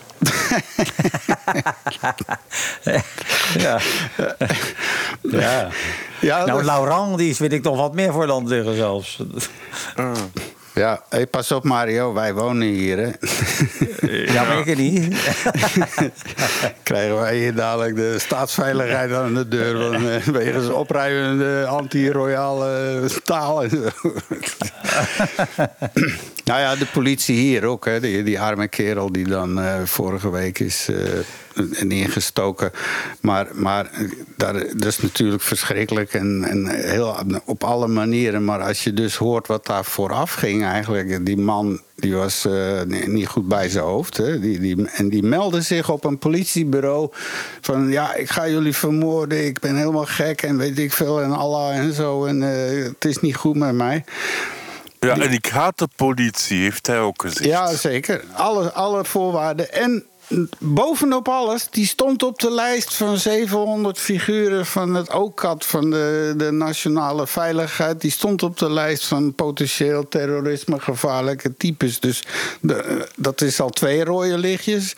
En dan eh, besluiten twee agenten die, eh, nou, want hij wilde hulp. Dus ze zeggen, nou, we brengen je naar het ziekenhuis. En die hebben hem daar in het ziekenhuis netjes in de wachtkamer. Nou, en ja, blijf maar hier zitten. En er komt dan zo wel iemand en zo. En hij ja, ja, oké, oké. Ja, die agenten die dachten gedaan. Die vertrekken dus zonder ook maar iets te zeggen tegen die iemand in dat ziekenhuis. Die, die waren, die, Ja. opeens was dat ziekenhuis, daar zat een staatsgevaarlijke potentiële terrorist die een mentale crisis had. Dus dat is vijf rode lampjes. En die zichzelf komt aangeven, hè? Ja, ook nog zes Ja. rode lampjes. Ja. En, en die is vervolgens tien minuten later ja, die wachtkamer uitgewandeld. Want hij dacht ineens, nou nee, heb ik toch geen zin in, weet ik veel. En dan de rest van het vreselijke verhaal eh, is dat. Hè. Maar, maar sorry hoor, ik, en ik ga ze geen Darwin Award geven, die politie, voor dit. Hè. Dus niet voor die jongen die neergestoken is en die andere. Dat is eh, absoluut. Maar als je dit dan weer leest, dan denk ik toch bij mij... eh, hoe in go- wat gaat er op zo'n moment door die twee mannen die hem dan zo achterlaten? Wat, wat is dan? Oh ja, maar is goed hè. Nu, Oh, ik kan me daar, Ja, maar ja. ik, ik wil me daar iets bij Ja, Nou het, is, ja. het is ook een beetje de wetgeving die, die zegt, ja, zolang als hij niets gedaan heeft, kunnen ze eigenlijk wettelijk gezien met die man Niet ook niet veel. veel doen. Nee. Maar je zou toch denken dat ze even naar de hoofdzuster zeggen. En ze zeggen: daar, die man daar in de hoek is een levensgevaarlijke gek. Die moet zo snel mogelijk eh, behandeld en Ja, eh, Weet ik veel. Maar de- zelfs dat Ja. mogen ze. Ze moeten die mensen toch waarschuwen, daar op zijn minst. Maar ja, hij zal er tussendoor geslipt zijn. Want ik heb zo'n bruin vermoeden dat, er de, dat op dagdagelijkse mm, wijze er vele mafkezen daar komen. En de een beweert uit de ruimte te komen. En de ander die zegt dat hij God is. En de ja. derde die zegt. eh, dus dat is het probleem een beetje misschien. Nou, Ja. ze hebben hem Maar daar afgeleverd moet wel een in het protocol van ziekenhuis. Ze hebben hem afgeleverd in het ziekenhuis. Maar dan, dan als politie, dan denk ik toch bij mijn eigen... die gaat toch tegen iemand? Of kunnen, is dat normaal dat polities eh, mensen binnenbrengen in een ziekenhuis en vervolgens weer vertrekken zonder iets te zeggen? En dan komt zo'n zuster van: eh, Hoe kom jij hier? Zo werkt het toch niet helemaal. Nee. Ik, zie, ik ja. zie hier in Antwerpen, ik ben wel eens op spoed geweest voor iets. En dan, ja, dan wordt er iemand binnengebracht. En die agenten blijven daar buiten die tent staan. En bij het spoed en weet ik het allemaal. En eh, die hadden een dik oog en weet ik het allemaal. En eh, die agenten bleven daarbij. Maar dit, dit hier in Brussel, daar kan ik me dus echt niet bij voorstellen. Maar zoiets. Ik weet niet, Chris, jij? Goh, ik, ik heb ooit eens in een ziekenhuis zitten wachten en toen brachten ze een gevangene binnen. Die, die was helemaal geboeid, overal benen, armen en, en drie agenten. En, en die kreeg voorrang. Dan vond ik, ja, dan is het misschien geen slecht idee als ik voorrang wil. Om, om- Maar wat, ja, het- ze hebben niks gezegd en hij is doorgegaan. Misschien dacht hij van, ze geloven me niet. Ik zal het misschien eerst in praktijk moeten omzetten voordat ze mij geloven. Tja. En, en dan is dat gebeurd. Ik, ik weet het ook niet. Ja. Maar het, het, het punt is, ze wijzen ook niet naar elkaar. Hè. Niemand geeft elkaar de schuld, behalve dan het Vlaams Belang. Die zegt, ja, het is de minister, die moet aftreden. ja, Om tuurlijk. de een of andere reden. Maar eh, ze- de politie heeft achteraf naar het schijnt wel gebeld naar het ziekenhuis. Van, eh, hoe, hoe zit het met onze patiënt? En daar wisten ze uiteraard van niks. Ehm, nee, ja. dat is mijn punt ook. ja. Ja, ja het, is, het is iets wat tussen de molens, tussen de kieren is gevallen. En dat is triest. Met Ja. gevolgen. Ja. Als ik Hopelijk hebben ze directeur- daar een les uitgetrokken. Ja, want wat Ik je nu het. dus gaat krijgen is eh, onderzoekscommissies. Want de hele vakbond die staat op zijn achterpoten hier. eh, duizend agenten. Het was trouwens, eh, wanneer was dat? Gisteren of eergisteren was er een saluutmoment. En er waren duizend agenten samen. Dus dat was het moment dat alle Albanese en weet ik veel inbrekers... allemaal even een piekmoment hadden. ja. Eh, Dus ja, oké. Maar normaal, ja, agenten die. eh, eh, Ja, geweld tegen agenten, dat stijgt hier ook sowieso. Ik weet niet hoe het in Nederland is. Niet anders. Niet anders. Het is de, de verloedering van de maatschappij. Je ziet, eh, iedereen vindt tegenwoordig wat. En het, het natuurlijke respect voor eh, het gezag is gewoon verdwenen. Ja. En ik moet ook zeggen, het, dat is universeel, lijkt het wel. Ik bedoel, vroeger, als, eh, eh, als, als een eh, oma-agent aan de overkant van de straat stond... dan kon hij zijn vingers knippen naar jou wijzen en dan zei hij... kom hier en dan kwam je. Nou, tegenwoordig, tegenwoordig, eh, als dat gebeurt, gaat mijn bloed koken. Tja. Dus het is, eh, het is dus inderdaad een soort al, algehele tendens... Dat, dat, die, dat natuurlijke respect gewoon verdwenen is. Precies. Hey, eh, ik denk dat En dit... heeft dat een reden, Mario, denk je? Nou, de, de tand destijds, hè, wat ik al eerder zei, dit is echt het, de- het decennium van het op hol geslagen individualisme. En iedereen vindt zichzelf het centrum van het universum. Nope. Dus de, de, de verzuiling is weg, we horen niet meer bij een groep. En ja, ik denk dat dit gewoon een excess daarvan, een, een uitloper daarvan is. Ja, dat is zo inderdaad. De sociale controle van het dorp en de groep en de gemeenschap. Dat bestaat nog wel. Je ziet nu wel de opkomst van die co-housing projecten en zo. Waar meerdere gezinnen zo dingen. Dus er is wel toch een, een soort hang terug daarna, denk ik, bij de jongere generaties. Die, die kopen zo van die oude fabrieken op met zo'n 20, 30 gezinnen. En die maken daar samen iets van. Dat zijn wel boeiende projecten eh, eigenlijk. Ja, oké, maar dat, dat gaat voorbij aan, aan die individualisering die je ziet. Ja. Maar als je kijkt ook, tolerantie is echt aan het verminderen. We hadden vroeger al spotjes op, in Nederland op de, op de radio en op de tv. Wees een heer in het verkeer. Nou, daar moet je nu mee aankomen. Nou, als, als je per ongeluk een seconde te lang wacht bij het stoplicht... dan, dan kan je een, een, een knuppel in je nek verwachten. Dus de Ja. tolerantie is een beetje aan het verdwijnen. Korte En, eh, lontjes allemaal. ja, ja, ja. wij wel- hadden ooit een slogan: de politie uw vriend. Ja. Oh ja, in, Nederland lijkt het ook. De politie is je beste kameraad. Eh, ja. Ja, een kinderliedje was dat. Ja, en dat, dat, natuurlijk, dat, is nu al, eh, ja, dat kan nu al he- helemaal niet meer. Dus er is veel veranderd, inderdaad. En niet alleen maar ten goede, helaas. Ik zit wel met ongeduld op kandidaat 2 te wachten. Is? Precies, we moeten een beetje de vaart in de trein houden. Eh, we gaan naar kandidaat 2. Dat is inderdaad eh Zottegems. Dat is iemand uit Zottegem. Een, een boze leerling. Ja, dat was een heel apart verhaal weer. In eh Zottegem was er een leerling op een, eh, in, eh, in de wijk Bijloken. was er een, een school waar een leerling niet helemaal blij was met de punten die hij had gekregen. Met name van zijn muziekleerkracht. Te. Ik denk dat Oei. het een dame is. Kan ik afleiden uit het vervolg. Dus eh, even voordien. En eh, ineens, eh, ja, er is dus een school omruimd vanwege een bommelding. En ja, ik was en kreeg politie telefoon, een explosief wond. Er is een heel artikel, ook in het laatste nieuws over. Maar dan gaat het om een mailtje. Want vrijdag al had de vrouw van de muziekleraar, oh, dan was toch een meneer, een mailtje gekregen van een misnoegde leerling. Ik ga even vanwege mijn bril toch. eh, ik heb een probleem. Ik heb een bril besteld en dan beloven ze 4 november en eh, nog niks. Dus hè, die, die is nog niet eens in zicht. Eh, het zijn allemaal Ja, leugenaars. ze, zijn ze zien je niet staan. Nou, we moeten toch geen crowdfunding doen. Geef iets van een bril. Ja. Ja, Ja, help maar iets van al de betaald. christen. Het gaat niet om het betalen. Het ding moet Oké. goddomme gemaakt worden gewoon. Ja, Eh, anders gaan- beginnen we gewoon een actie. Help, help iets van de winter door. Hè? Dan, ja. Nou, Zeker. Dus eh, nou, er is dus een e-mailtje gekomen vrijdagmiddag al. En eh, toen wisten ze al wel waar het eigenlijk om ging. En eh, dat was een heel apart mailtje. En daar hadden we het net over met Chris. Want hier zitten toch bepaalde culturele ondertonen in. waarvan we niet zeker weten hoe dat zit. En, het onderwerp was U kankermoeder. E hoer, dus E-Y, hoer. Als jij dat punt niet weghaalt, dan plaats ik een bom met hoofdletters op je kankerhuis. Ik blaas het je helemaal... moet je meer inleven, is het van? Je moet je meer inleven. in Ja, nou, ik wil hem geen platform geven. Ik blaas het... Nou, wil jij het voorlezen? Misschien kan Ja, jij... ik heb de eh, tekst niet.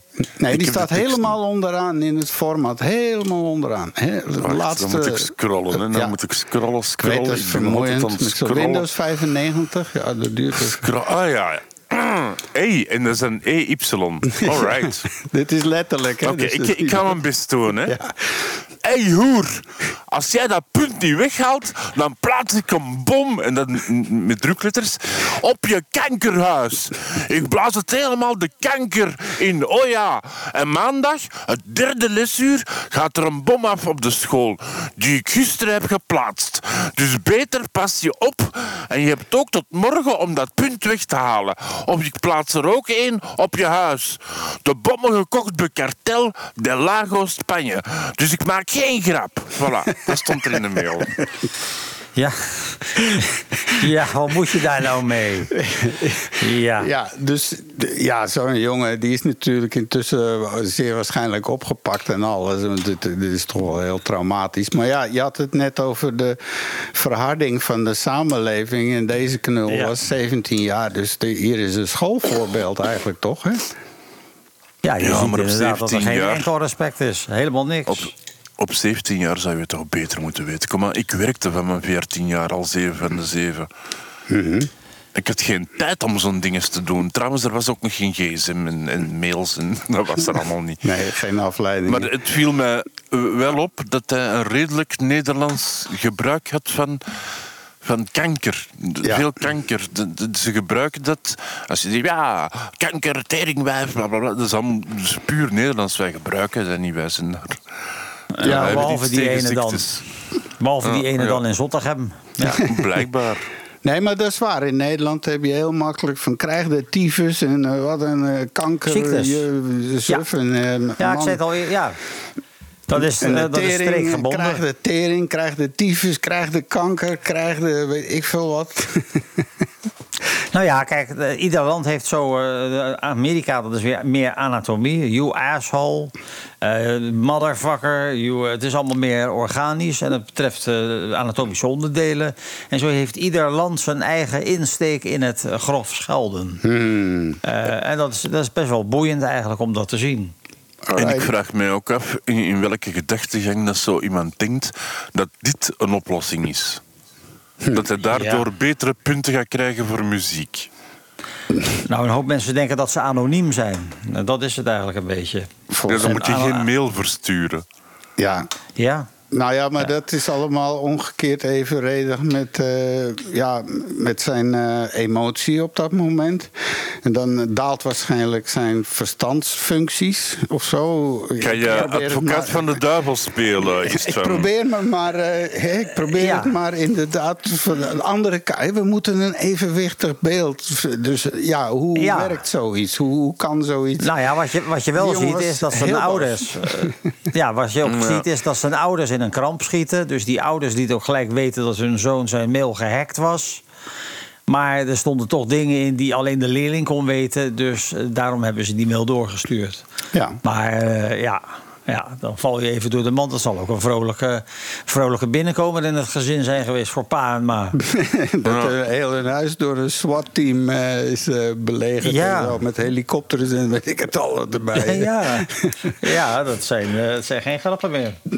En heeft hij nu eigenlijk achteraf betere punten gekregen, Istvan? Want dat vind ik wel belangrijk in dit verhaal. Eh, ja, want dan zou je het nog eens een, nog een andere justificatie kunnen geven van oké, eh, het is misschien een, nou, een methode die, waar je vraagtekens bij zet, maar toch net zoals de Ig Nobels. Mm, zit toch dus krijgen we nu een vloed van bommeldingen.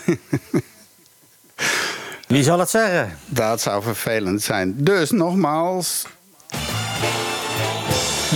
Kandidaat 2, de Zottegemse leerling die het nodig vond eh, zijn bommencampagne op mail aan te kondigen. En daarmee een hoop oproer heeft veroorzaakt in Zottegem. Jazeker. Yes. Alright, eh, we zakken volgende, eh, af naar het hele, hele volgende blok alweer. Mm, De hysterische historie op tafel. Ja, dat klopt. En, en vandaag ga ik het hebben over de post. Mm, eh, het verleden van de post. Trouwens, wist jij iets van dat er nog altijd steeds gele briefkaarten bestaan? Nee. Je, je kent dat toch, hè, die gele Ja, briefkaart? ik, eh, absoluut. Ik heb bij de VARA vroeger eh, bij gewerkt, een radioprogramma. En dan moest ik zo'n winnaar kiezen. En dan kwamen iedere week honderden briefkaarten met eh, beton top 3. Dat was met Alfred Lagarde. En eh, dat was 1983 of zo. Dat was een long time ago. Zeker weten, Ja, ja. briefkaarten. Ja, bij de BRT werd dat ook veel gebruikt. Als er zo'n wedstrijd was, dan mocht je een gele briefkaart sturen naar de Rijerslaan. Ja, en dat onthield ik altijd van de BRT. Dat moest dan naar kamer 1C375 of zo. En dan kreeg Ja, ik dat altijd was deurwaarder Bakkeljauw of zoiets noemde die. eh. Ja, en dan kreeg ik zo'n visie van zo'n echt zo'n grijs gebouw met die lange gangen en grijze deuren. En dan ergens is daar in dat maas zo'n kamer waar dan één zo'n persoon zit voor dat programma. Zo. Ja. Maar goed. Ja. Ja, maar je kan toch altijd... Ik, ik heb er vroeger, denk ik, honderden verstuurd. Dan, alleen misschien, misschien twee. Spam. De- de- als je op vakantie moest... eh, naar een vakantiekamp als kind, dan, dan heb ik er waarschijnlijk een paar verstuurd naar thuis. En waarschijnlijk stond erop, kom mij halen alstublieft. maar, maar zwart. Ze zijn nog steeds te koop, hè. voor 6,20 euro kun je er vijf hebben, maar je moet ze wel online bestellen. Maar daar wou ik het eigenlijk niet over hebben. Ehm, ik wou het hebben over het begin van de post, en, en dan vooral in Amerika, hè, want daar zijn ze gek genoeg en, en met heel veel mensen, dus ça va. Eh, hebben ze zo wat een beetje getest. Wat kan je nu eigenlijk allemaal opsturen met de post? En, en, en wat blijkt? Dat je vroeger in het begin van het ontstaan van de post in Amerika zelfs je baby kon versturen. Ja, als je zei, ah, ik wil mijn baby naar de oma sturen, want die gaat babysitten dit weekend, dan kon je die gewoon een paar timbers opplakken en hup, met de post meegeven. Ja, Ja, Hij ja. zat natuurlijk niet in zo'n postzak. Hè. We hebben hier wel apart gehouden. Er was iemand die in de trein, want alles gebeurde toen met de trein. Ah, ja, eh, die baby's in het oog houden en zo. Maar, maar je kon dus je baby met de post eh, versturen totdat de grote postmeester zei van ja, het is genoeg geweest. We gaan geen baby's niet meer versturen. en, en de postmeester in Amerika toen was, ehm, ik denk, de derde in, in, in dingen van de president. Je had de president en je had dan nog iemand, senator waarschijnlijk. En dan was de postmeester eigenlijk de baas toen, toen in Amerika. Dus je had wel wat gezag toen. Maar er werden niet alleen baby's uh, uh, verzonden. Hè. Mm, en dan ben ik weer aan het scrollen. Pam, dat heb ik gezegd. Verzonden. Ja, um, er was op een gegeven moment in Amerika slaven, hè, 1849. En er was een slaaf en die dacht: als ik me nu eens verzend naar een staat waar dat er geen slaven zijn. En, en, die heeft dat gedaan met de help van een, een winkelier toen. En, en, die heeft zich verzonden uh, een, naar een staat waar dat er geen slaven waren. En, en, dat heeft dan groot in de krant gestaan. Het is gelukt, jee. En dat had hij misschien beter niet gedaan. Want toen is de Fugitive Slave Act in, ingetreden. En dat wil zeggen dat slaven die gevonden worden, ook in staten waar dat slavernij niet van pas is, toch moeten teruggestuurd worden. Over heel Amerika. Dus dat is wel... Allee, ja, dus het was gelukt, maar ze hadden het beter voor hun gehouden. Hmm. Maar, maar, dat was niet alleen in Amerika. Hè. Ook in Engeland. In, in 1909 waren er twee suffragettes. Ken je dat, suffragettes? Ja, ja, die voor het stemrecht. Uh, dat waren de dames... Voor de vrouw. Die, uh, ja, voor een vrouw Voor de vrouw, ja. Pre-feminisme, zeg maar, ook een beetje misschien. Absoluut. En die wouden dus, kost wat kost, spreken met de premier toen, de eerste minister, en in Downing Street. En, en die, wou, die wou niet. Dus wat hebben die dames gedaan? Die hebben hun zelf gepost naar Downing Street 10. En, en dat moest dachten ze. Ze wel natuurlijk uh, uh, hem spreken, want het was officieel. Hè. Het was officieel naar hem gepost, dus ze moesten daar afgezet worden. Maar de, de butler aan de deur die weigerde en, en ze werden teruggestuurd naar het postkantoor. Als onbestelde letter. Dat is dan wel een beetje pech eigenlijk. Ja, ja. ja. kan gebeuren. Hè. Het was een goede poging, vond ik. Maar, maar nog een betere poging was in 1916 door William H. Coltrap. En, en die man die woude eigenlijk een bank bouwen, maar, maar het materiaal voor die bank die lag eigenlijk 127 mijl verderop. En hij moest dus die bakstenen en alles um, zien te krijgen ja, naar 127 mijl verder om die bank te bouwen. En de goedkoopste manier om dat te doen was een bakstenen te verschepen via de post. ja. ja. Uh, hij verpakte pakjes van 22 kilo, waar daar 40 bakstenen in zaten. En zo weer er 40 ton uh, met de post verzonden. En, en dat is ook gelukt. Alles is aangekomen. Toen was de post blijkbaar heel uh, strikt in die dingen. maar ze hebben daarna wel gezegd dat dat niet meer kon. Bakstenen mochten niet meer verzonden worden. Maar dat postkantoor, dat is gelukt. Dat is aangekomen en het noemt ook heel toepasselijk het uh, Package Post Service uh, Building. Dus, dus het pakjesgebouw. Nou, een link vind je op de website. Uh, we hebben wow. een link daar naartoe staan. Ja, absoluut. Het zijn uh, inderdaad loopholes. Maar dat is ook het creatieve van de Amerikaan. Van, uh, die zal altijd uh, zo gaten en dingen zoeken. Maar ja, dat doen wij hier in België ook. En, dat doen we allemaal. Absoluut. Ja. En, en, en wat er, als we het dan toch over bakstenen hebben. Um, wat, wat, er ook veel gebeurde was. En, en dat was eigenlijk een man. En die kreeg zo heel veel van die reclame dingen van de verzekering en de bank en weet ik veel. En, en de wet is Sorry dat ik heb Gezondheid. Dank u wel. Um, de wet is dat als je zo een, een brief kreeg en je, en je wilde niet, dan werd die terugverzonden op kosten van de verzender. En wat deden zij? Zij staken er een baksteen in dat, dat de kost van het terugzenden uh, veel wier. En die dacht, als iedereen dat doet, ja, dan is die verzekering, die bank, na een tijd gewoon failliet. en, en dat tegen ze ook soms met, met post dat ze kregen van politiekers die verkozen wouden worden. Uh, moest, moest Trump nu allemaal brieven versturen naar zijn kiezers, of naar iedereen, en iedereen die, die niet zo Trump gelegen is, zeggen van, weet je wat, ik aanvaard het niet, maar ik plak er eerst een baksteen aan voordat ik hem terugstuur, dan, dan spreken we niet meer over Trump.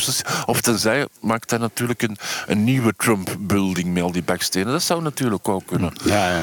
Maar de, Ja. Dat wordt dus allemaal gedaan. En de- waarschijnlijk niet door PostNL. Want PostNL, sorry dat ik het even zeg, ik gooi het er gewoon even in. Bij PostNL is mijn adres in de computer onbestelbaar. En, en dat houdt dus in dat als ik iets bestel in Nederland en, en dat moet door PostNL verstuurd worden, dat, dat ze dat onmiddellijk terugsturen naar de leverancier. Oh. Ze doen de moeite zelfs nog ineens niet om te... Ja, ze vinden mijn adres. Ze, ze vinden dat niet in Antwerpen. Niet dat ik ergens raar woon of zo, maar op, op de een of andere manier... Ik weet het niet. Nou, ik, wij ik weet het krijgen niet. hier ook eh, poppakjes van PostNL. Regelmatig. Ja, mijn ben jij buren ook, zwart. of zo? Hè? Wat heb je gedaan, joh? Geen idee. Dus PostNL was het zeker niet. Maar, maar voor zo'n bedrijven heb ik dus de ideale website. En daar ga ik mee afsluiten, is het van? Geen paniek. Ik heb nog altijd een beetje last van mijn verkoudheid, precies. Eh, heb ik de ideale website gevonden. En dat noemt poepzender.com. En, en hij staat ook in de showlist voor als je echt interesse hebt. En poep.com, wat doen die? Je kan anoniem eh, een kilo stront verzenden. En voor 1700 voor 17,95 dollar kan je dus anoniem eh, een kilo koestront verzenden. En voor een dollar meer heb je olifantstront. En, voor 2 dollar meer een kilo gorilla eh, stront. Die je kan verzenden. Oké. Nou ja, de kerst is aanstaande. Dat is een leuk cadeautje. Is voor onder de Ja, boom. vooral anoniem. Dat anonieme, dat spreekt Ja. aan.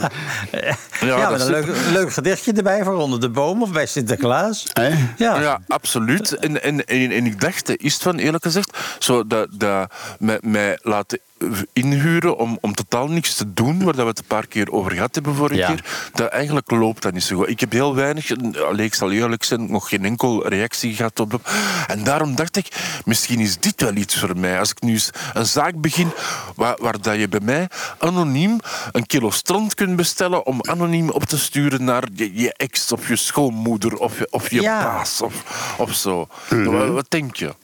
Ja, het lijkt me een goed plan. Maar het zou nog mooier zijn als je er iets in kan steken. waardoor de anonieme verstuurder ook een, eh, een soort beeld krijgt. van wat er eh, gebeurt op het moment van. eh, maar je kan het Ah, zelf. ja, eh, live feed.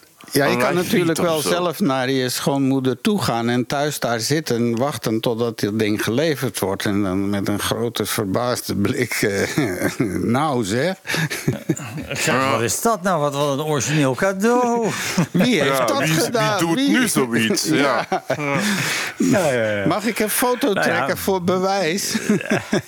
Nou ja, wij moeten in Nederland in ieder geval... eh, alle mensen boven de 60 moeten om de twee jaar hun drol opsturen... voor het grote darmonderzoek. Ja, hier Dus ook. dat is Ja, wel hier ook. hier ook. Maar dat is maar een klein dingetje. Dat is dus niet een complete drol die je dan opstuurt. Het is geen kilo. Dat Ja. hoeft ook niet. Nee, nee. Dat nee. hoeft gelukkig niet. Nee. Zou dat wel zo zijn, zou het heel boeiend zijn. Ja, alright. Eh, dus even kijken, waar waren we? Dus eh, ja, Ik, ik was mijn geschiedenisding aan toen, eh, is het ja En- en ga daar gerust waren we. door. Ga gerust door.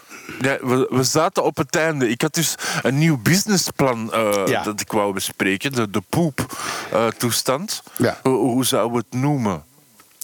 Ja, ik zou zeggen uh, droldelivery.antwerp of zo. Boah, Ja. boah. Of poepondemand.antwerpen. ja. Hè? Ik heb stront aan jou. Ja. Ja. Ja, ik zag Ja. laatst hier iemand op, op de winkelstraat lopen, helemaal ingewikkeld in toiletpapier. En ik zo van, nee joh, wat- is er met jou aan de hand? Hij zegt, ik heb overal scheid aan. Ja, daar was ik nu ook net aan het denken van. Ik heb scheid aan jou.com. Ja, nou goed, dat is een goeie. Eh. Ik heb scheid aan Ja. jou even hier eh, indienen op mijn database. Eh, ja, ik, die is nog vrij, die, is nog beschikbaar. Alright. Nee, Ja. Dus, eh dus Ja, en ik woon ook vlakbij de dierentuin. Hè. Dus, dus gorilla's en olifanten, dat is allemaal geen probleem. Hè. Ik, ook wat incontinente bejaarden, want ik zit hier ook tussen een paar bejaarden thuis. Dus dat komt allemaal goed gewoon. Ja, ja. Ja, dan kan je allerlei categorieën en smaken aanbieden enzovoort. Hè. Ja, En je en kan- geuren. Ja. ja, En en, kleuren. Ja, Ja. absoluut. en dan kan je misschien ook wel een eh, sampler maken... dat mensen voor 5 euro zo'n kitje thuis krijgen... met 10 verschillende strontjes. Hè. Dan kunnen ze Ja, nog, nog met nauwkeuriger... geurstaafjes. Ja, Ja. eh, dus, eh, eigenlijk- Ja, maar... ehm, My Dung Heritage, dat je zeg maar je eigen drol kan laten. Begrijp je? ja. Ja. De- de- de mogelijkheden zijn er legio. Ja, mij gaan ze op 2 december weer eh, van binnen bekijken, robotiseren. Want ik hoef dan de drol niet te doen, maar eh, ze gingen toch al een colonoscopie doen. Eh, Als er een camera in duwen. ja, zeker. Ja. Ze gaan daar eh, in te keren om eens te zien of dat alles nog wel oké is en zo. Ja, nou ja, goed, dat is onder En ga je de beelden Instagrammen. Ja, waar kan ik me downloaden? Waar kan ik ze downloaden? Ja. De Instagrammen, hè? Is het van Instagram? Ja, Nou ja, live. Live op Facebook. Ja, dan krijg je de, de, de- de- in, over het algemeen bij de oudere mensen in, in, in het kolon, in de endeldarm, daar ontstaan gewoon over het algemeen. eh, hebben we allemaal wel van die paddenstoelen eigenlijk. En als die, die kunnen gewoon, ja, uitstulpingen in, in de darm. Dus ze zien er een beetje uit als een paddenstoel. En over het algemeen zijn ze goedaardig. Alleen als ze te groot worden, kan het kwaadaardig worden. En dan, daar is ook die colonoscopie voor. Om te kijken hoe het met het paddenstoelenbos is. En, Eh, en maar heb ze- je er... ja, je, en je- ze kunnen ze dan ook gelijk weghalen. Want aan die camera zit ook een soort ijzeren lusje of een metalen lusje. Die kunnen ze eromheen gooien. En dan kan de champignon kan gesnoeid worden, zou ik maar zeggen. Ja, de mensen zitten nu te eten aan tafel. Sorry daarvoor. Ja. ja. hou dat het beeld even vast. Die champignon, inderdaad. Maar Ja, we zijn Ja, er... eh, een omeletje, een omeletje en het is allemaal goed. Zeg maar, is van, eh, heb je dan last van iets dat je naar zo'n dokter moet? Last gehad. En, eh, da- en dan nu eens kijken of dat, dat allemaal opgelost is. Ik heb eh, een aantal Ah. jaren geleden last gehad van... Een, eh, dat zegt misschien veel mensen. Dat is een anale fissuur, heet dat. Dat is gewoon een klein Kloofje. kloofje, Kloofje. In, in de, slui, in de sluip, de sluitspier. Spier. En dat blijkt dat dat dus de meest... Ik weet niet, we we hebben het eerder over pijn gehad. Dit komt ook in de buurt van... daar, Want er komen heel, heel, heel veel zenuwen samen op die spier, Ja. blijkt. En dat is een hele unieke spier ook. Want dat is de enige spier die constant eh, in, in spanning staat in ons lichaam. Hè? nou, het zijn er twee. Ja. Oh, Ja. oké. Mario. Mario. Ik, ze ze heten sphincters. Je hebt de binnenste en de buitenste sphincter. Eh, als je kolom zich vult met, met stront, zal ik maar zeggen, je endeldarm... dan ontspant de binnenste eh, sluitspier zich, de binnenste sphincter... en voel je aandrang. Dus de binnenste is, is eh, onwillekeurig, daar heb je geen controle over. Dat gebeurt gewoon, maar dan voel je aandrang. En dan ga je naar het toilet en dan heb je die buitenste sphincter... en die heb je wel enigszins onder controle. Althans, dat hoop je dan. Maar het zijn er dus eigenlijk twee. Twee sphincters met een mooi woord. Ja, ja. Dus, eh, dus ja. Maar het is inderdaad heel pijnlijk. En als je dan ook nog in, die, in dat ding gestoken wordt door zo'n tarantula-wesp. ja! Kadang! ja. eind- Dat is eh, vreselijk. Ja, Ja. dus eh, ja, dit is in het, ader- in de, in het eh, kader van een, eh, zo'n algemene controle. Dus eh, ja, beter maar eh safe eh, sorry. Want de darmen is een zeer problematisch. Want daar kan allerlei slechts ontwikkelen zonder dat je dat merkt. Hè? Want je hebt geen zenuwen daar of zo. Of, eh, zo darm- Daarom moet je ook veel vezels eten en zo. Dat is heel belangrijk. Mhm. Alright. Ik, ik dat, denk eh, ook dat dat de enigste reden is wa- waarom dat je een, een vriendin hebt of een vrouw. Zo van, kijk eens, ik, ik denk dat ik een pukkel heb op mijn kont, maar ik kan het zelf niet zien. K- Kijk er eens naar, zo, om die reden. Ah, oké. Oh, Of- oké. Of, zie ik dat dan weer? Oh, ik ben precies de enige daarin. Oké. Nou, dan heb je hele interessante vriendinnen altijd gehad. Als ze daarop vallen, dan ja, oké, nou, het kan. Het kan. Nee, het- ze vallen er niet op. Maar eens dat ze gevallen zijn, kan je dat gebruiken daarvoor. Dat is Ah, oké, oké. Ja, ja. Het klinkt niet overtuigend. Zullen we maar gewoon Nee. naar pek en veren gaan, is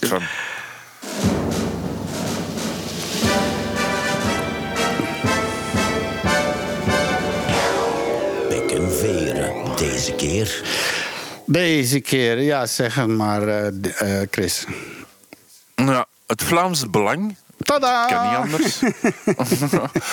Komt met een kinderboek uit. Een kinderboek over Ja, Zwarte Piet. Dat is gevaarlijk. Het- Ja, het Ja. zijn altijd bijbedoelingen met die mensen. Ze doen maar niet zomaar iets.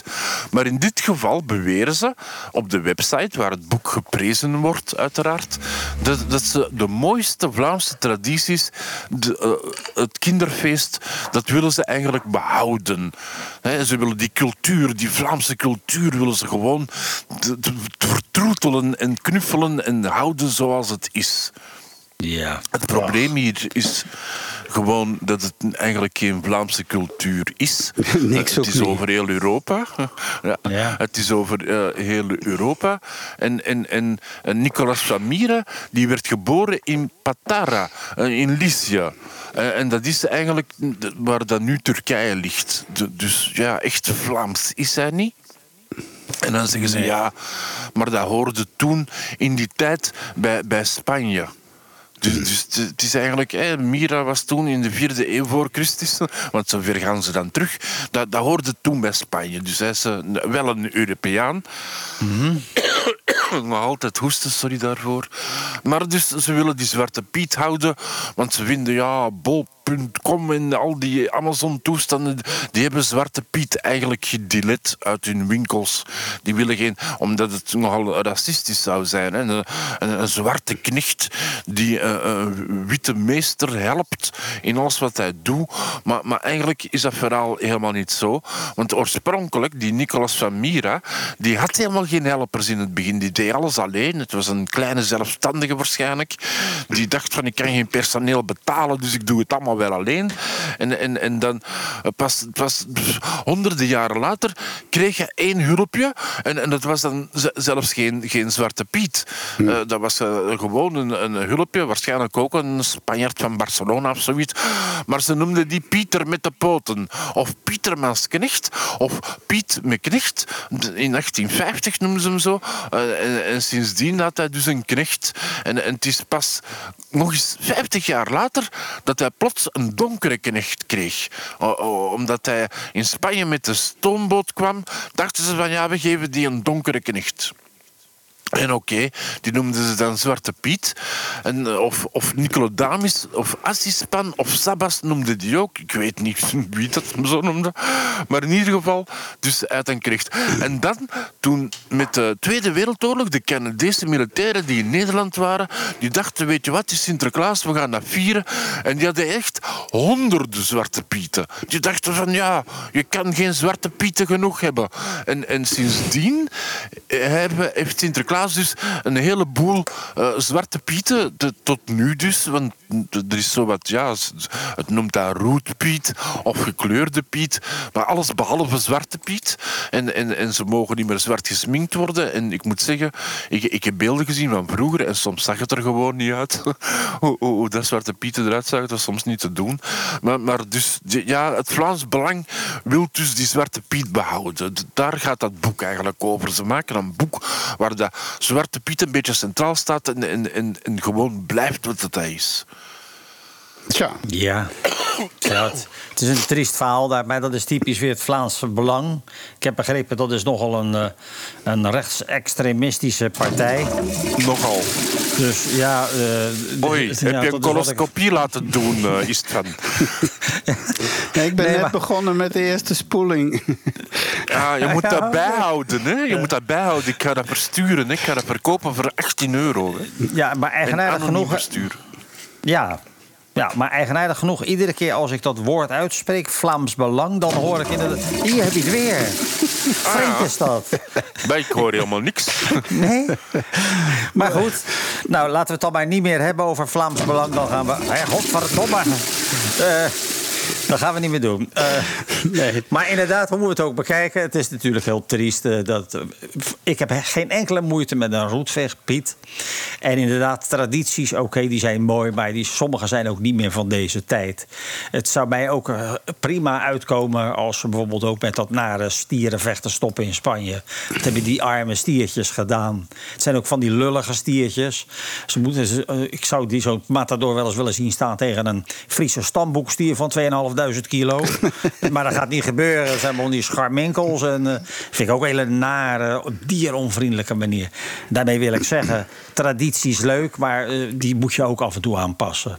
En een roetveegpiet of een stroopwafelpiet of whatever is geen enkel probleem. Zeker niet voor die kinderen. Die Ja, want eh, we gaan ook niet meer gezellig naar het dorpsplein voor een heksverbranding, weet je wel. Ja, nou daar zou ik... Ik ken een aantal... nee, oké, nee, dat kan... eh. Ja, dus uh, gewoontes veranderen een beetje wel, sommige dingen. Ja, ja, ja, ja. Ik ga het niet over mijn schoonmoeder hebben. Dat, nee, dat gaat oké. Nee, oké. Goed. Ja, en, en ik had het er eigenlijk over, om, omdat dit weekend was Sinterklaas aangekomen in Antwerpen. En, en ik ben mijn schoentje al beginnen zitten. Ik heb wel geen open haard en zo, maar je mag hem naar het schijnt aan de centraal verwarming zetten. Dus dat hij staat al Nou, ja. klaar bij mij. Ja, en wie weet wat erin kan komen. Dus tegenwoordig kan er zomaar een drol van een gorilla in zitten. Ja. Ik denk dat die kans groter is dan iets anders, eerlijk gezegd, bij mij. Want je weet nooit. Ja, we gaan werken aan een soort materialisator waarmee we gewoon iets kunnen verplaatsen van een, de ene locatie naar de andere. Oké. ja. Zou Ja, in ieder geval quantum, besparen in postkosten in dit geval. Quantumteleportatie. Ja, je eigen drol. eh, Maar nee. dus sowieso kei eng dat eh, sowieso een politieke partij, welke dan ook Ja. via dan kinderlectuur probeert zijn gedachtegoed, want het is natuurlijk de ondertoon, eh, want ze willen dan al eh, die kleintjes indoctrineren. Want heel dat Sinterklaas, ja, wij hebben ze het wel geleerd. We hebben, we hebben het geleerd van onze ouders, niet van andere kinderen of zo. Dat was geen. Het is dus eh, gewoon aangeleerde dingen. Het is er niet. Hè. We worden allemaal als atheïst geboren in feite. En we geloven niks. Maar nou, dan wordt er iets Ja, gezegd ze over... doen het voor de kinderen, is het van. Ze doen het voor de kinderen. Maar het is ook de partij die een paar jaar geleden zo een, Marokkaans kinderfeestje binnenvielen en zwemworstjes begonnen te gooien naar de kinderen. Het is die partij. Ja, moet je daar nou in godsnaam mee? hè? Ja, ja, ja, ja. Dus eh, absoluut. Rare-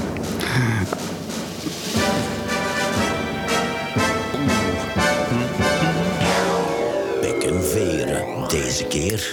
Dus absoluut. Het, ik, ik zeg het niet meer, want anders triggeren we die, die toilet weer.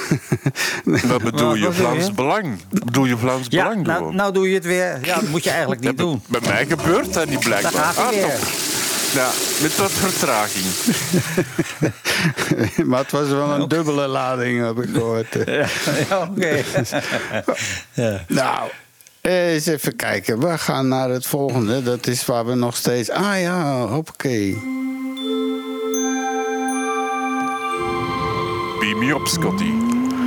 Een rondje kosmos waar we nog steeds een jingle voor hebben. Maar goed, eh, we bladderen langzaam door, dames en heren, naar het volgende stukje. En we maken altijd even een stop, want dat vind ik ook eh, fijn om... eh, ja, ruimtevaart. Ik was toen al met de maanlandingen. er was een buurman, die Ja. had dan een Philips kleurentelevisie... dat was bij de tweede was een kleurenbeeld. En dan zaten we daar 's ochtends om drie, vier uur naar die beelden te kijken met Henk Terlingen. Dat was Oh, ja. toen nog de. de Oh, ja, ja. En, en samen met die, met die baard. eh, hoe, hoe was dat ook Eh, alweer? Titelaar. Titelaar, ja. En Henk Terlingen. Want eh, ja, er was niemand wakker op dat moment. Dus Henk, die, eh, Ja. en die is dan meneer ruimtevaart geworden. Helemaal, al die Apollo's en zo. Ja, ja, ja, ja. Ja, ja dan komt het. Ja. Dus vanaf Ja, toen wel al eh, mijn fascinatie voor de ruimte en zo. Dus ik kreeg ook allemaal Ja. boeken. En eh, mijn- moeder abonneerde op de Kijk. Ja, dat was de Kijk. ja. Die bestaat Ja. ook nog steeds, hè? Ja. Ja. ja. Dus, eh, maar Ja, ik zeg ja, omdat ik daar ooit eens voor gewerkt heb als videoreporter voor de kijk. Oh, oké. Oh, oké. Wauw. Ja. En, en wat heb je gekeken voor ze? De videotoestanden, hè, zo. eh videodinges. ja, het, was niet veel. Het was heel kort. maar ik heb het gedaan. Dat is het belangrijkste. Nee, ga gewoon verder. Vergeet het gewoon. Dan kun je een eh, ster op je, op je scoutsuniform plakken. Van, nou, dat heb ik ook maar mooi gedaan. Toch? Ja. Nou, Nou alright. ja, ik, ik dus- weet wel, de, ik weet wel, de maanlanding, die had ik ook helemaal eh, als jongetje echt. Ik had daar ook alles van en ook modelletjes eh, in elkaar gestoken die je dan eh, kon krijgen. Ja, En, ik heb eh, die ja, Saturnus-raket fascinerende nog tijd. Ja. Dat was een En meter. ik ben de nog, eh, maanlanding, dat was in 68 of zoiets, hè? Niet 69, 68? Ja, 69, ja. Want het was... Ja. eh, Ah, dat was ik een jaar. Dat was ik iets te jong om, om, om echt mee te volgen. Nee, nee, want Ja, ongelofelijke tijd. Ik vond het echt bizar. En, en, eh, jaren later ben ik nog een keer in Florida geweest, in, in, eh, in Cape Canaveral. En daar zag ik inderdaad de Saturnus eh, 5 raket liggen. Met van die uitlaten waar je gewoon een auto in kan parkeren. Dat Ja, is ja. echt eh, te weird voor woorden. Zeker weten. Hoe, hoe is het trouwens met, met onze raket die ze gerecycleerd hebben en zouden afschieten? Die staat er nog altijd, hè? Ja, ze, dat hebben is hem weer, ze hebben hem weer uitgerold. Ja, en Is het waar? aan- hij is nu gepland om te. Om de, het is, hoe, hoeveelste is het nu? Het is nu de ve- 15e morgen, 16 november om 1 uur 4 eh, EST-time. Vanaf Lounge Complex 39, Gaat eh, hij 39B. ontploffen? Gaat dat Ja. hele En hoeveel, hoeveel wil je erop zetten, Mario, dat dat niet gaat? Of wel gaat? Nou, eh, poeh, poeh, ja, het is ja, driemaal scheepsrecht. Hè. Je zou zeggen, er zal weer wat aan de hand zijn. Maar ja, ik, ik, ik durf, ik, ik, heb, ik geef het 50-50. Ah, ja. Maar dat Launchpad 39B, waar die dus van gaat, dat was ook trouwens hetzelfde lanceerplatform waar destijds ook de Challenger naar omhoog ging. En die is ook ontploft. Ja, en, en, als je, Ja. en als je naar de zijkant van deze nieuwe raket kijkt... dan zie je dus precies diezelfde boosters... want dat zijn het ook, die aan die Challenger zaten. Maar die zitten nu aan, die, aan die raket. Eh, Ja, dus, ja, eh, dus eh, ja, dat is eh, zeer betrouwbaar, zeer betrouwbaar systeem. Oh, oh. Tweedehands rotzooi, ja. Maar goed, we gaan zullen het het zien. morgen zien. We zullen het Ja. gewoon morgen zien. Ja. Yes. En, eh, ja, en verder is alles aan raketten heel hallucinant. Mario en ik die zijn trouwens naar die eh, Space tentoonstelling geweest hier in Antwerpen. Buitengewoon Ja, boeiend. En eh, dat was eerst maar voor drie maanden, maar dat staat er nog. En er blijven mensen komen. En het, eh, Eh, En waar in Antwerpen is dat te doen? in, de, in de expo, hè? vlak over de ring. Daar heb je de Antwerp Expo en daar is eh, Space. eh, Space en dan wordt het hele traject zo vanaf de Sputnik. En ze hebben daar een Sputnik op ware grootte hangen. En, eh, en dan hele traject zo. En dan tot en met, dat vond ik het meest indrukwekkende, op ware grootte, die maanlander. Die, die, die staat daar dus eh, Ja. één op één. Ja. En we dachten eerst zoiets van, ja, nee hoor, dat, is, eh, dat klopt niet. Want je hebt op tv had je een bepaald beeld van zo'n ding en dat was niet zo groot en allemaal. Maar dat blijkt gewoon een joekel te zijn van vijf, zes meter hoog of zo. Ja, ja. Acht, Ja. als ik het mij goed herinner. Was hij acht meter hoog? Zelf, ja, dat kan makkelijk, hè. Want ik weet niet, wat bleef jou nog het meeste bij van deze... Nou, sowieso inderdaad, de, de, de lander, die, die, die vond ik heel bijzonder eh, om te zien. Eh, maar verder, eh, ja, dat weet ik eigenlijk niet meer. Ik ken wel bijvoorbeeld, eh, ik ben een museumbezoeker. Met name het Science Museum in Londen. Daar hebben ze ook een gigantische afdeling over, eh, over ruimtevaart. En ja, daar kan je helemaal in verdwalen. Het is gewoon te veel om, eh, eigenlijk te veel om in één keer op te slaan, zal ik maar zeggen. Ja, want jij Maar vertelde ik hou ook van dat soort eh, tentoonstellingen. Dat je ook eens in een heel, eh, niet echt een toegankelijk museum, maar een beetje zo'n zo'n afgesloten. maar Jullie zijn daar samen toch binnen geraakt. Dat was ook iets met bio-dingen of zo. Wat was dat? Vertelde je laatst eens. Bio, dat, dat, dat, dat nou, dat je met je maat was je in Londen geweest in een bepaald museum waar, waar nou niet zo veel mensen komen, of weet ik veel. Dat was wel bijzonder. Nou, Een- even kijken. in Londen. gedroomd In. Londen. In Londen. Ik ken het Science Museum daar. En je hebt natuurlijk het National History Museum. Maar dat is eigenlijk dat is, dat is een fantastisch museum. Nee, jullie waren in die kamer geweest van Hemming. Oh, nee, nee, nee, nee, nee. Ik weet al wat je bedoelt. Ja. Nou, het is niet echt een museum. Je hebt daar, het, eh, je hebt daar een ziekenhuis, het, het St. Cross Hospital. De, eh, en daar in de kelder, daar kan je dus eh, het lab bezoeken van Alexander Fleming. Dat Ah, is de- ja. En dat is eigenlijk zijn werkkamer. En die heeft daar penicilline ontdekt. Althans, hij deed daar bacteriologisch onderzoek. En een van zijn bacteriekolonies in, die pet- in zijn petrischaaltjes... dat zijn die pl- kleine platte ronde schaaltjes... die was vervuild met een schimmel. En hij dacht van, gadverdamme, nou moet ik het weer over doen. Maar toen zag hij dat dus alle bacteriën om die schimmel heen doodgingen. En op enig moment viel het kwartje. En zo is eigenlijk die schimmel penicillum ontdekt. En daar is, hebben ze dus het medicijn penicilline van gemaakt. En dat heeft eh, ontzettend veel levens bespaard in, in de Eerste Wereldoorlog, om maar eens wat te noemen. Want daarvoor had je een buikwond, ging je gewoon dood aan de infecties. Ah, ja. Dus, maar dat is niet echt een museum. Je, je kan naar het St. Mary's Hospital gaan. En dan moet je dus eh, voor intekenen. En dan, dan gaat er een deurtje open. En dan mag je samen een trappetje aflopen. En dan kom je in een, in een kamertje van, van, van drie bij drie meter. Drie bij twee meter misschien, met de werktafel. En alles staat nog zoals hij daar zijn onderzoek deed. Ah, ja. Dus eh, alles nog van- eikenhout en een hele kleine microscoop. Een monoculaire... Zo, zo, zo'n, eh, ik krijg al nekpijn als je ernaar kijkt.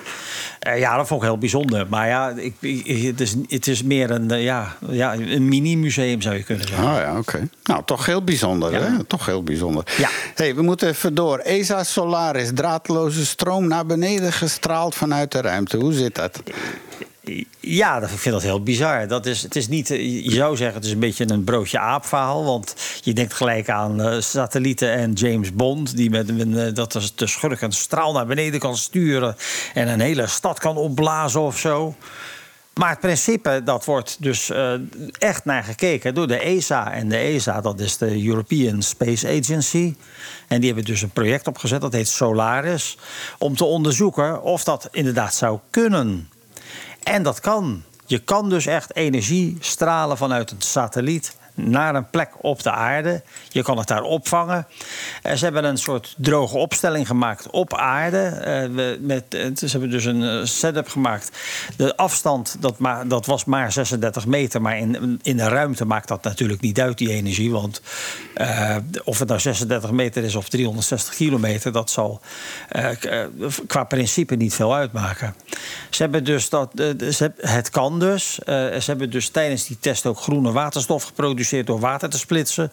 En ze hebben dus ook in, in die proefopstelling het eerste draadloos gekoelde bier met 0% alcohol gemaakt in een koelkast. waar die dus het publiek kon, kon- kon- dat werd geserveerd aan het publiek. Maar het is een heel interessant iets, want lukt je dat, zet je dus inderdaad eh, een, een, een array van satellieten die eh, energie opvangen. En die dat via een eh, met microwave, dus niet met een laser, maar via een, een, een, een hele eh, veilige eh, microgolfstraal eh, kan je die richten op aarde. En dat kan je opvangen. Oké. En, gaat dat, en gaat dat lukken, dan zou dat heel interessant zijn. Het is natuurlijk een, een, meer een, een experiment, want je hebt wel heel veel. Je moet echt een, eh, denken aan een hoeveelheid van, van, een, van een kilometer eh, satellieten naast elkaar of zo. Ja, Dus, maar ja, goed, maar- eh, zeg nooit nooit. Ja, Alles is mogelijk met eh, mannen als Elon Musk enzovoort. Hè, aan het roer van de planeet. een soort, hij doet Ja. me steeds meer denken aan die Hughes, Howard Hughes. Dat was ook zo'n Oh extreem rijke die dan met dat enorme vliegtuig liet die bouwen en allemaal. Dat was een beetje te ver voor zijn tijd uit. is ook als krankzinnige gestorven of zo. We moeten even snel door. Eh, ze Ja. zijn op zoek naar Chris. Eh, want we weten allemaal dat onze favoriete Chris... en ook die van u op eh, Facebook is een eh, alien. hè, zeer waarschijnlijk. De- de- de- de- Wordt gezegd, ja. In bepaalde kringen wordt dat gefluisterd. Dus, eh, maar ik denk dat eh, je familie eh, op zoek is naar je. Want er, de- er is een nieuwe komeet opgedoken in ons zonnestelsel. Dus dat is toch redelijk dichtbij. En dat is namelijk 2L. Zegt die naam jou? Borisov? Die familie? Hebben jullie ergens een Borisov in de familie zitten? Ja, ik heb Hongaarse roots, hè, dus het- waarschijnlijk wel. Er zal wel een Boris bij zitten, of... Ja. Een Borisov. Zou zomaar kunnen. Inderdaad. Nou, dus het ding is eh, ja, weggeslingerd uit zijn eigen zonnestelsel. Maar volgens mij is het gewoon inderdaad een aangedreven ruimteschip. En eh, be- bemand binnenin, eh, binnenin die komeet verschuilen zich ja, ja, die aliens. En hier staat ook, eh, daardoor is het een toerist geworden. En eh, die komt er heel rap aan met een snelheid van 160.000 kilometer per uur. Nou, hey, daar is nogal... En dan eh, is die ook zo weer weg. ja. Ja, want eh, de, de snelheid is te hoog om ingevangen te worden door ons eigen zonnestelsel. Nee. Dus anders, eh, waar de- dus hij eh, scheurt er gewoon doorheen. En, eh, en even zo. even op de rem trappen. En dan... Ja. En dan ja. Even kijken, is alles oké met Chris? Ja, hij leeft nog oké. En dan waren ze terug weg. Ja, oh, de, oh, die sturen gewoon even om te checken. Ja, precies. Ja. Niet, niet om je op te halen. Nee, ik maakte me even zorgen. Want ja, waar zouden Mario Nou. en ik dan een nieuwe hè, partner vinden? Zo? Dat zou een Nou, in, ramp zijn. in, 2000, in 2017 was er ook al zo'n ding, hè? De, Ah, ja. de Oumuamua. En dat, dat, was ook een beetje een, eh, dat was ook een stuk rots eh, die eh, sigaarvormig was. En dat, ja, dat, mensen dachten ook vaak, tenminste, er waren ook hele bewegingen die zeiden... dat moet wel een ruimteschip zijn, een, een sigaar die, zeg maar, de, de, eh, ons, ons zonnestelsel doorkruist. Eh, maar ja, eh eerst zo goed en wel wilde bestuderen, was hij eigenlijk alweer weg. Want hij ging ook als een raket. Hij was 300 Ja, die meter lang. sigaar, dat was de vorige versie. Ondertussen zijn we wel geüpdate in, in, in ruimtetoestellen. Ja, nu komt het grote schip. Hè? Dus de Oumuamua Ja. was een verkenner. En nu eh, Precies. kunnen we binnenkort... eh, Nu sturen ze een, eh, soort een vuurpijl, een soort vuurpijl even om de boel op te lichten. Van, hey, Ja. Ja, de borg, hè? eh, resistance is futile. Wie zal will- zeggen? we will assimilate you. Zeg maar, de- de- als jullie de kans krijgen, zouden jullie dan mee eh, naar de maan gaan of naar Mars of whatever eh, de ruimte in? Dat zou Nou, ik wel willen doen, ja. Ja. Eh, ja, want er was dus een tijd geleden zo'n Nederlands project. Daar kon je je voor inschrijven om naar Mars te gaan. Ja. Met één klein eh, haakje, one way. Want het blijkt dat het vier keer zo duur maakt om iemand terug te halen. Maar als je iemand daar gewoon neer kan poten, dan is dat best betaalbaar. En jij hebt je onmiddellijk ingeschreven? eh, nou, er waren er duizenden. Die, maar jij kent dat project ook nog, Mario. ja. Ja, maar het waren wel voornamelijk schoonmoeders. Wat heb jij toch? Heb jij, heb jij een trauma? Heb jij, heb jij een soort trauma gehad of zo? Met, Eh, nee, nee, nee. nee. Maar, maar je kon je inderdaad inschrijven. En dat, ja, op zich, eh, one-way ticket. Ja, je moet het daar dan gelijk maken. En dat is, ja, dat is nogal een dingetje. Eh, je hebt natuurlijk de harde straling daar. Je moet, hoe ga je dat regelen? Ja. Er is wel een lichtpuntje. Er is natuurlijk vulkanisme geweest op Mars... voordat het een dode planeet werd. Dus er zijn vermoedelijk ook nog steeds lavagangen. ja. En, dat, en dan zou je kunnen zeggen van als je een zo'n lavagang hebt en die maak je dicht, dan heb je een serieuze ruimte waar je een atmosfeer in kan bewerkstelligen. Ja, want ook schijnt. Maar, ja. Ja, ook blijkt dat dat Marsstof wat dat daar ligt, dat er voor een groot be- gedeelte bestaat uit eh, puntje, puntje perchloraat of zo. Dat is een afschuwelijk giftig en een heel vreselijk goedje. Maar dat ligt Ja. daar gewoon samen met dat ijzer, want dat is al dat rode, dat is eigenlijk ijzervijlsel. Dus eh, het is allemaal nog niet zo. eh, nee, nee, nee, not so easy Nee. daar. nee hoor. Nee, nee dus. En op Space Ja, het is- eh, hadden ze wel die mooie opblaastentjes van, eh, met zo'n mooi witte design en zo, allemaal plastic. En eh, een beetje, dat deed me toch een Ja. beetje denken aan De Gevangenen, op die serie uit de 70 jaren met die kauwgombal. Ah ja, ja. Ik weet niet of je dat nog kent, hè? Die, die, eh, Ja, heel de vaag. gevangene die werd in zo'n dorp opgesloten, heel speciaal. En eh, hij was number six. En als hij dan probeerde te ontsnappen, kwam er zo'n enorme grote kauwgombal. En die pakte hem dan en dan werd je weer terug naar het dorp. Heel, heel bizar. Is nog een remake ik van denk dat- gemaakt. Een van mijn eerste science fiction films die ik als kind keek, Barbarella was. En ik zag dat wel zitten. Oeh, yummy, Ja. yummy, yummy, yummy. ja heel veel jongetjes vonden het een hele leuke film. Absoluut. En keer op keer op keer op keer op keer. Maar, Gewoon zelfs maar de film. Ja. Maar de, de, in die periode was eh, eh, 2001 A Space Odyssey eh, eh, eh, was, was Ja. natuurlijk de film. Absoluut. Ja, Ja, Ja. absoluut. Ja, die heb ik Nog steeds trouwens, hè, vind ik die, als je die ziet... Dan Is die nog dat steeds up-to-date? Ah, absoluut. Ja, Ja, of ja, dat gisteren gefilmd is. Ja. Ik heb die nog eens gezien. Hij heeft. Gent ook... Het verhaal gaat dat hij nog Gent ook de maanlanding heeft gefilmd. Nou ja, dat zeggen, dat zeggen die, eh, die, eh, die conspiracy. Dus er is een andere theorie, dus behalve QAnon en weet ik het allemaal. En, en, de, en die gedaante veranderen, reptielen en weet ik wat allemaal. Ja, is er ja. ook een, een complottheorie van dat ze nooit naar de maan zijn geweest. Dat dat allemaal gefaked is. En dat dat met name door eh, Stanley Kubrick zou gedaan zijn. Maar die was master Ja, of the art of that vlak. En, Maar ja, eh, het, het leuke aan dat verhaal is dat, dat Stanley Kubrick zelf het nooit ontkend heeft. ja, je vindt dat wel leuk natuurlijk, zo'n mythe. ja, Ja. Ja. Wie zal dat zeggen? Maar het is natuurlijk wel zo, dat was, kan, je, kan je dat nog herinneren? Die in 2001, 2001 A Space Odyssey. Het eindigt ook met die monoliet en die, die chimpansees die eromheen staan. En een paar jaar geleden sto- stond er ineens een monoliet ergens in de woestijn. Kan je dat nog herinneren? ja, ja, ja. Ja. En, en, en de- ja, dat is natuurlijk vermoedelijk een, eh, iemand geweest die dat erg leuk vond. En op een gegeven moment was hij ook weer weg. En hij dook weer ergens anders op. ja, ja. Eh, Ze zijn eh, dus- terug. dus ja. Ik zeg je. Hij was aan het zoeken naar die chimpansees waarschijnlijk. Nee, nee, nee. Ik denk het. Maar het, is, het was een, inderdaad een hele interessante film. Ja, zeg maar. hey, nog even heel kort. Je had nog een Beetlejuice update. Eh Beetlejuice update. Nou, Betelgeuze, we nou, hadden het vorige keer over Betelgeuze. Die staat op ontploffen. Eh, ja, nou, eh, ja, die- het is, die blijkt een weer, soort eh, dimming geweest te zijn of zo, weet ik veel. Ja, ja. Nou, inderdaad, hij is. kijk, ze, ze- hij staat in het. Het is natuurlijk een, een rode superreus. Als sterren ontstaan.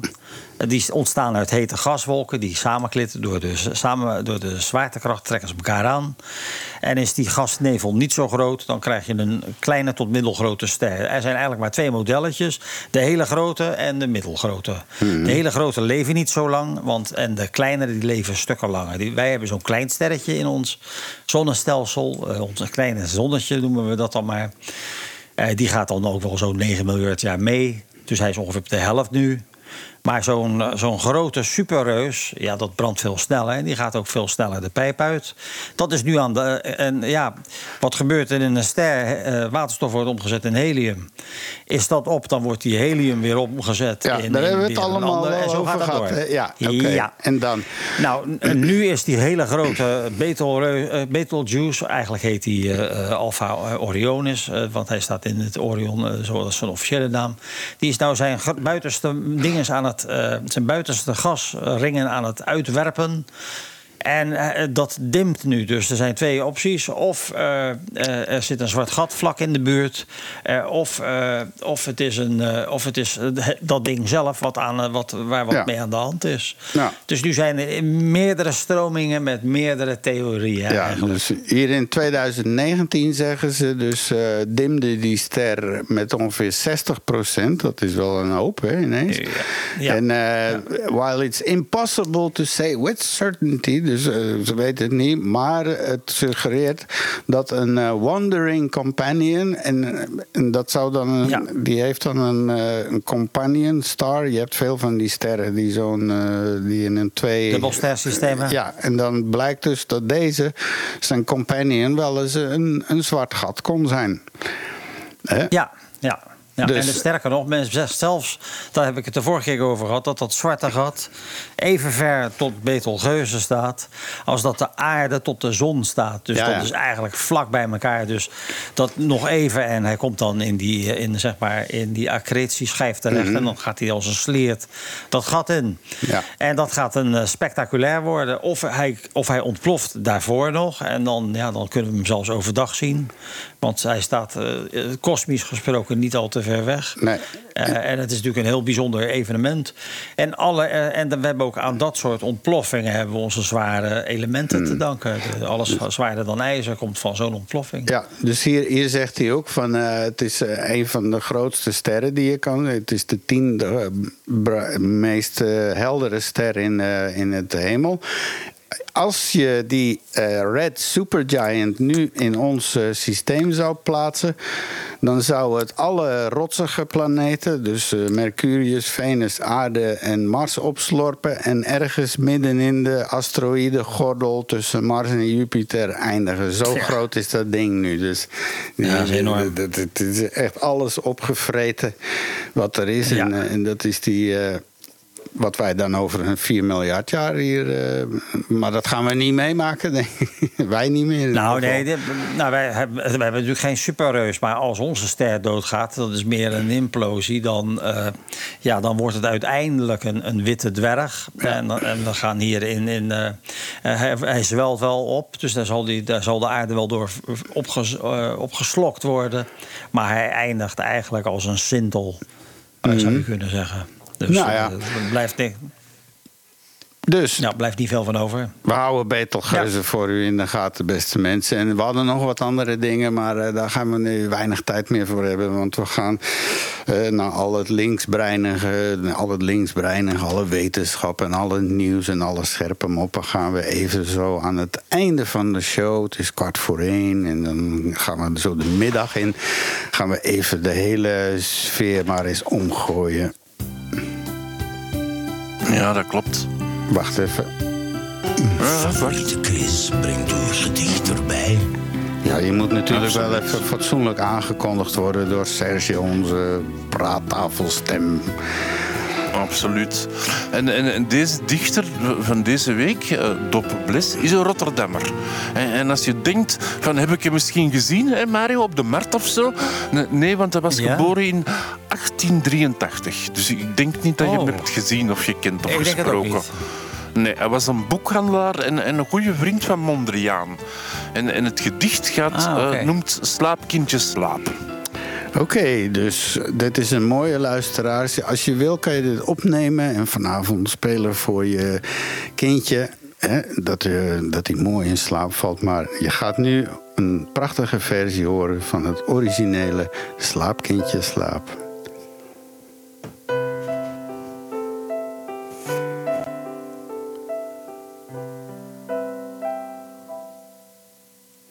Slaap, kindje slaap. Verzamel nieuwe krachten. Het is laat, het ging al nachten. Daarbuiten loopt, daarbuiten loopt, wat al je smachten heeft gehoopt, de vrede voor je zinnen. Slaap, kindje, slaap, waarom mist je te minnen? Slaap, kindje, slaap. Zij lopen op witte voetjes. Heel ver, onhoorbaar zoetjes. Daarbuiten loopt, naar buiten loopt, wat je verwacht hebt en gehoopt, en nimmer meer treedt binnen. Slaap, kindje, kindje, slaap. Je had niet moeten minnen.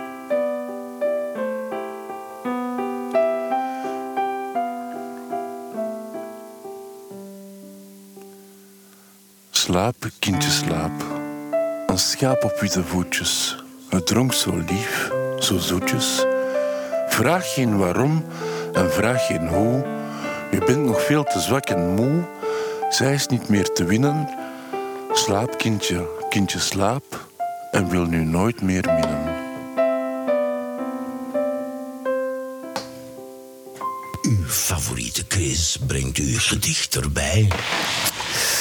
Absoluut. Nou, dat was een prachtig gedicht, lieve mensen. Een link ernaar en de tekst vind je op onze website praattafel.be. En eh, daar eh, vind je ook alle voorgaande programma's. Ook alle links, alles waar we het over gehad hebben. Al die wetenschap. Het is geen flauwekul. Het bestaat echt, want het staat op het internet.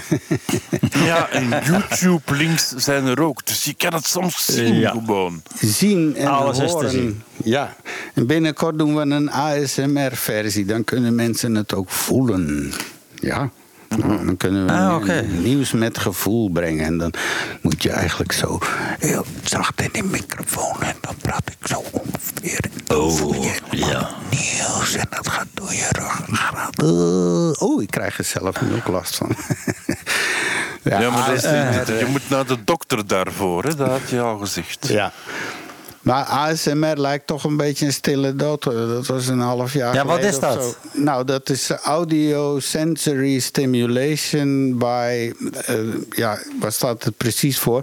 Maar er is dus een eh, gedeelte van de bevolking... die als je zulke soort geluiden zeer direct in je, in je koptelefoon te horen krijgt... die daar bijna hoe moet ik het zeggen, een, een, een orgastische ervaring van krijgen. En dat is zo, een Oké. soort tinteling, eh, een tinteling in de rug. Eh, dus Oh ja, ja, ja. Ja, ik ken dat wel. Ja. heel luid. autonomous, autonomous dat- sensory meridian response. Dus eh, Oké, je hoort oké. bij 20% van de mensheid is gevoelig voor eh, dit, voor ASM. Ja, dat was heel erg.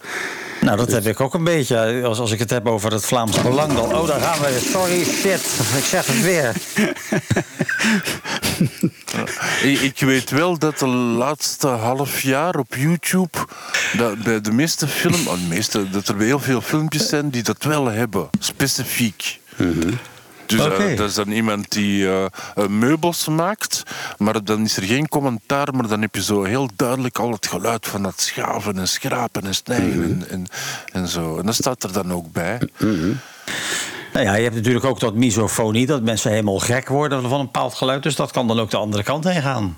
Ja, ja, ik, eh, zoals dat, wc's, doorgetrokken wc's en zo. maar ook smekken, Ja. smekken aan tafel, eetgeluiden en dat soort dingen. Dat, eh, ik ken Ja. daar iemand heel goed die daar heel veel last van heeft. Ja.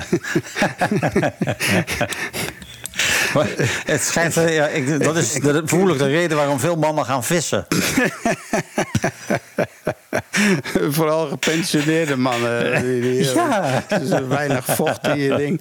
Hey, voordat we nog ander nieuws. Ik had nog tenslotte. Want Elon Musk maakt ook grapjes. Hè, dus ik mag er één kort grapje van Elon Is het Musk. waar? Ja, ik mag er één laten horen. What's the best place to hide a dead body would be the second page of Google search results. Nobody ever goes there. Ja, dus even. What would be the best place to hide a dead body? On the second page of Google search. Want daar komt niemand ooit. dus, nou ja. Of je geeft hem geen blauw vinkje. Dat zou ook een Kan ook nog. Nee, nee, nee. Ja. Hey, eh, goh, waar ga- er zijn nog een aantal dingen waar we het niet over gehad hebben. Hè. Dus eh, bijvoorbeeld op Twitter was heel boeiend. Ik kijk daar af en toe. en Er is veel aan de hand. Maar er is toch wel veel interessants te vinden. En er is één. eh, er is één eh, pagina of een account. eh, en how can I make this about me? En dat is ontzettend grappig. Dat is een Hollandse, dat weet ik wel, of een Nederlandse. En die weet dus dingen te vinden waar eh, mensen het eigenlijk meer over zichzelf hebben dan, dan over wat er eigenlijk aan de hand is. Zo, zo, zo eh, ja, een heel beroemde is bijvoorbeeld die, zo, zo'n bijna zo'n fotomodel die dan zo'n selfie maakt met haar eh, J-Lo komt in een Indonesisch veld waar die mensen die rijst aan het eh, plukken zijn en ze staat daar echt met zo'n Instagram post van mijn hart gaat zo uit naar die onderdrukte mensen en zo. Ja, Ja. dat is uiterst grappig. En vandaag hadden ze er ook weer een gevonden, of een paar dagen geleden. was een eh, tweet van een eh, Alexandra Pavaronosik uit Kiev. Een eh, inwoonster van Kiev. ze zegt: Rainy and cold day in Kiev. Our apartment doesn't currently have hot water or electricity. Dus ze hebben geen water, geen elektriciteit. Het, het, eh, Stervenskoud. de woning van mijn ouders heeft al twee dagen helemaal geen elektriciteit en hot of cold water gehad. De schoonouders, jouw vrienden Mario, die hebben eh, eh, acht uren geen stroom per dag. Maar die, hebben dan eh, gelukkig een generator. Dus dat zit echt in de penarie. En dan antwoordt er zo iemand uit Duitsland. "Oh, of wil jij dat lezen, Chris? Jij kan je beter Ah ja, inleven. Zal ik de Duitse spelen, hè? Ja. De- dus dus ze, ze leest van iemand uit Kiev die zegt... we hebben geen water, geen elektriciteit, geen gas, bijna ook geen eten. En zij antwoordt... oh, ik voel zo met jou mee. Ik weet direct wat dat je bedoelt. Want mijn verwarming die is gebroken sinds donderdag. En, en, en vandaag gaat er waarschijnlijk iemand komen. Want het is toch wel 11 graden. Dus ik, ik begrijp helemaal wat dat je bedoelt. Ik voel met je mee. Ja, en, Dat- ik heb, en ik heb een fireplace. ik, heb, ik heb een open haard. Ja. We will survive together. ja. Alright. Hey, ehm, eh, ja, maar eh, dat is, dat is het grappige van Twitter... waar mensen zich toch zelf belangrijker maken... dan, eh, dan wat er aan de hand is. Of, of, het gewoon moeten. niet snappen. Ja, dat wat ik, eerder, wat ik wel leuk, le- leuk in zoverre, de, die, die stad die onlangs bevrijd is, dus Gorso... Gerson, Gerson. Gerson. Ja. De, de, de- ze interviewde daar zo'n Oekraïner die, die heel blij was en, en die antwoordde van ja, en we hebben geen elektriciteit en geen water en geen gas en geen eten en niets eigenlijk, geen internet, geen telefoon, maar we hebben ook geen Russen meer. En dat vond hij tof. Ja, Daar ja, kan je dus ja. in denken, hoe, want eh, er komen nu weer allerlei de verschrikkelijkste dingen naar boven. Hoe die gasten zich daar Ja. hebben gedragen en wat ze allemaal vernield Ja. hebben nog in hun. En meegestolen. Ja, gewoon echt beesten. Dat is helemaal geen oorlogvoering meer. En, Nee. nee, dat is gewoon een creatief shoppen. Meenemen wat, wat je, wat, alles wat los en vast zit. En dat Maar is is er heel triest. altijd al niet geweest met oorlogen? De, de, de, de Duitsers niet Ja. en zo? En, en dan Ja, dat is eh, de spoils of war. Hè? Dan, vroeger al in de middeleeuwen, dan liet zo'n generaal nadat zo'n stad... eh, ja, dan liet hij zijn soldaten, die moest hij dan zijn gang laten gaan. En die trokken binnen en plunderen en verkrachten en alles en zo. Dat is nog steeds zo. Dat staat in het eh, dat handboek van militaire commandanten. Van ja, je moet je soldaatjes ook af en toe een pleziertje gunnen. Ja, dat is triest. Dat is triest. Is het van, het zit er bijna op. Ja, Jan. ja, ja. We naderen het einde, dus we moeten even gaan kijken. Want eh, wat is hier nog belangrijk, eh, denk ik? Van die nieuwe... Ah, ik- ik heb ook nog een, een, een dingetje gevonden van Banksy.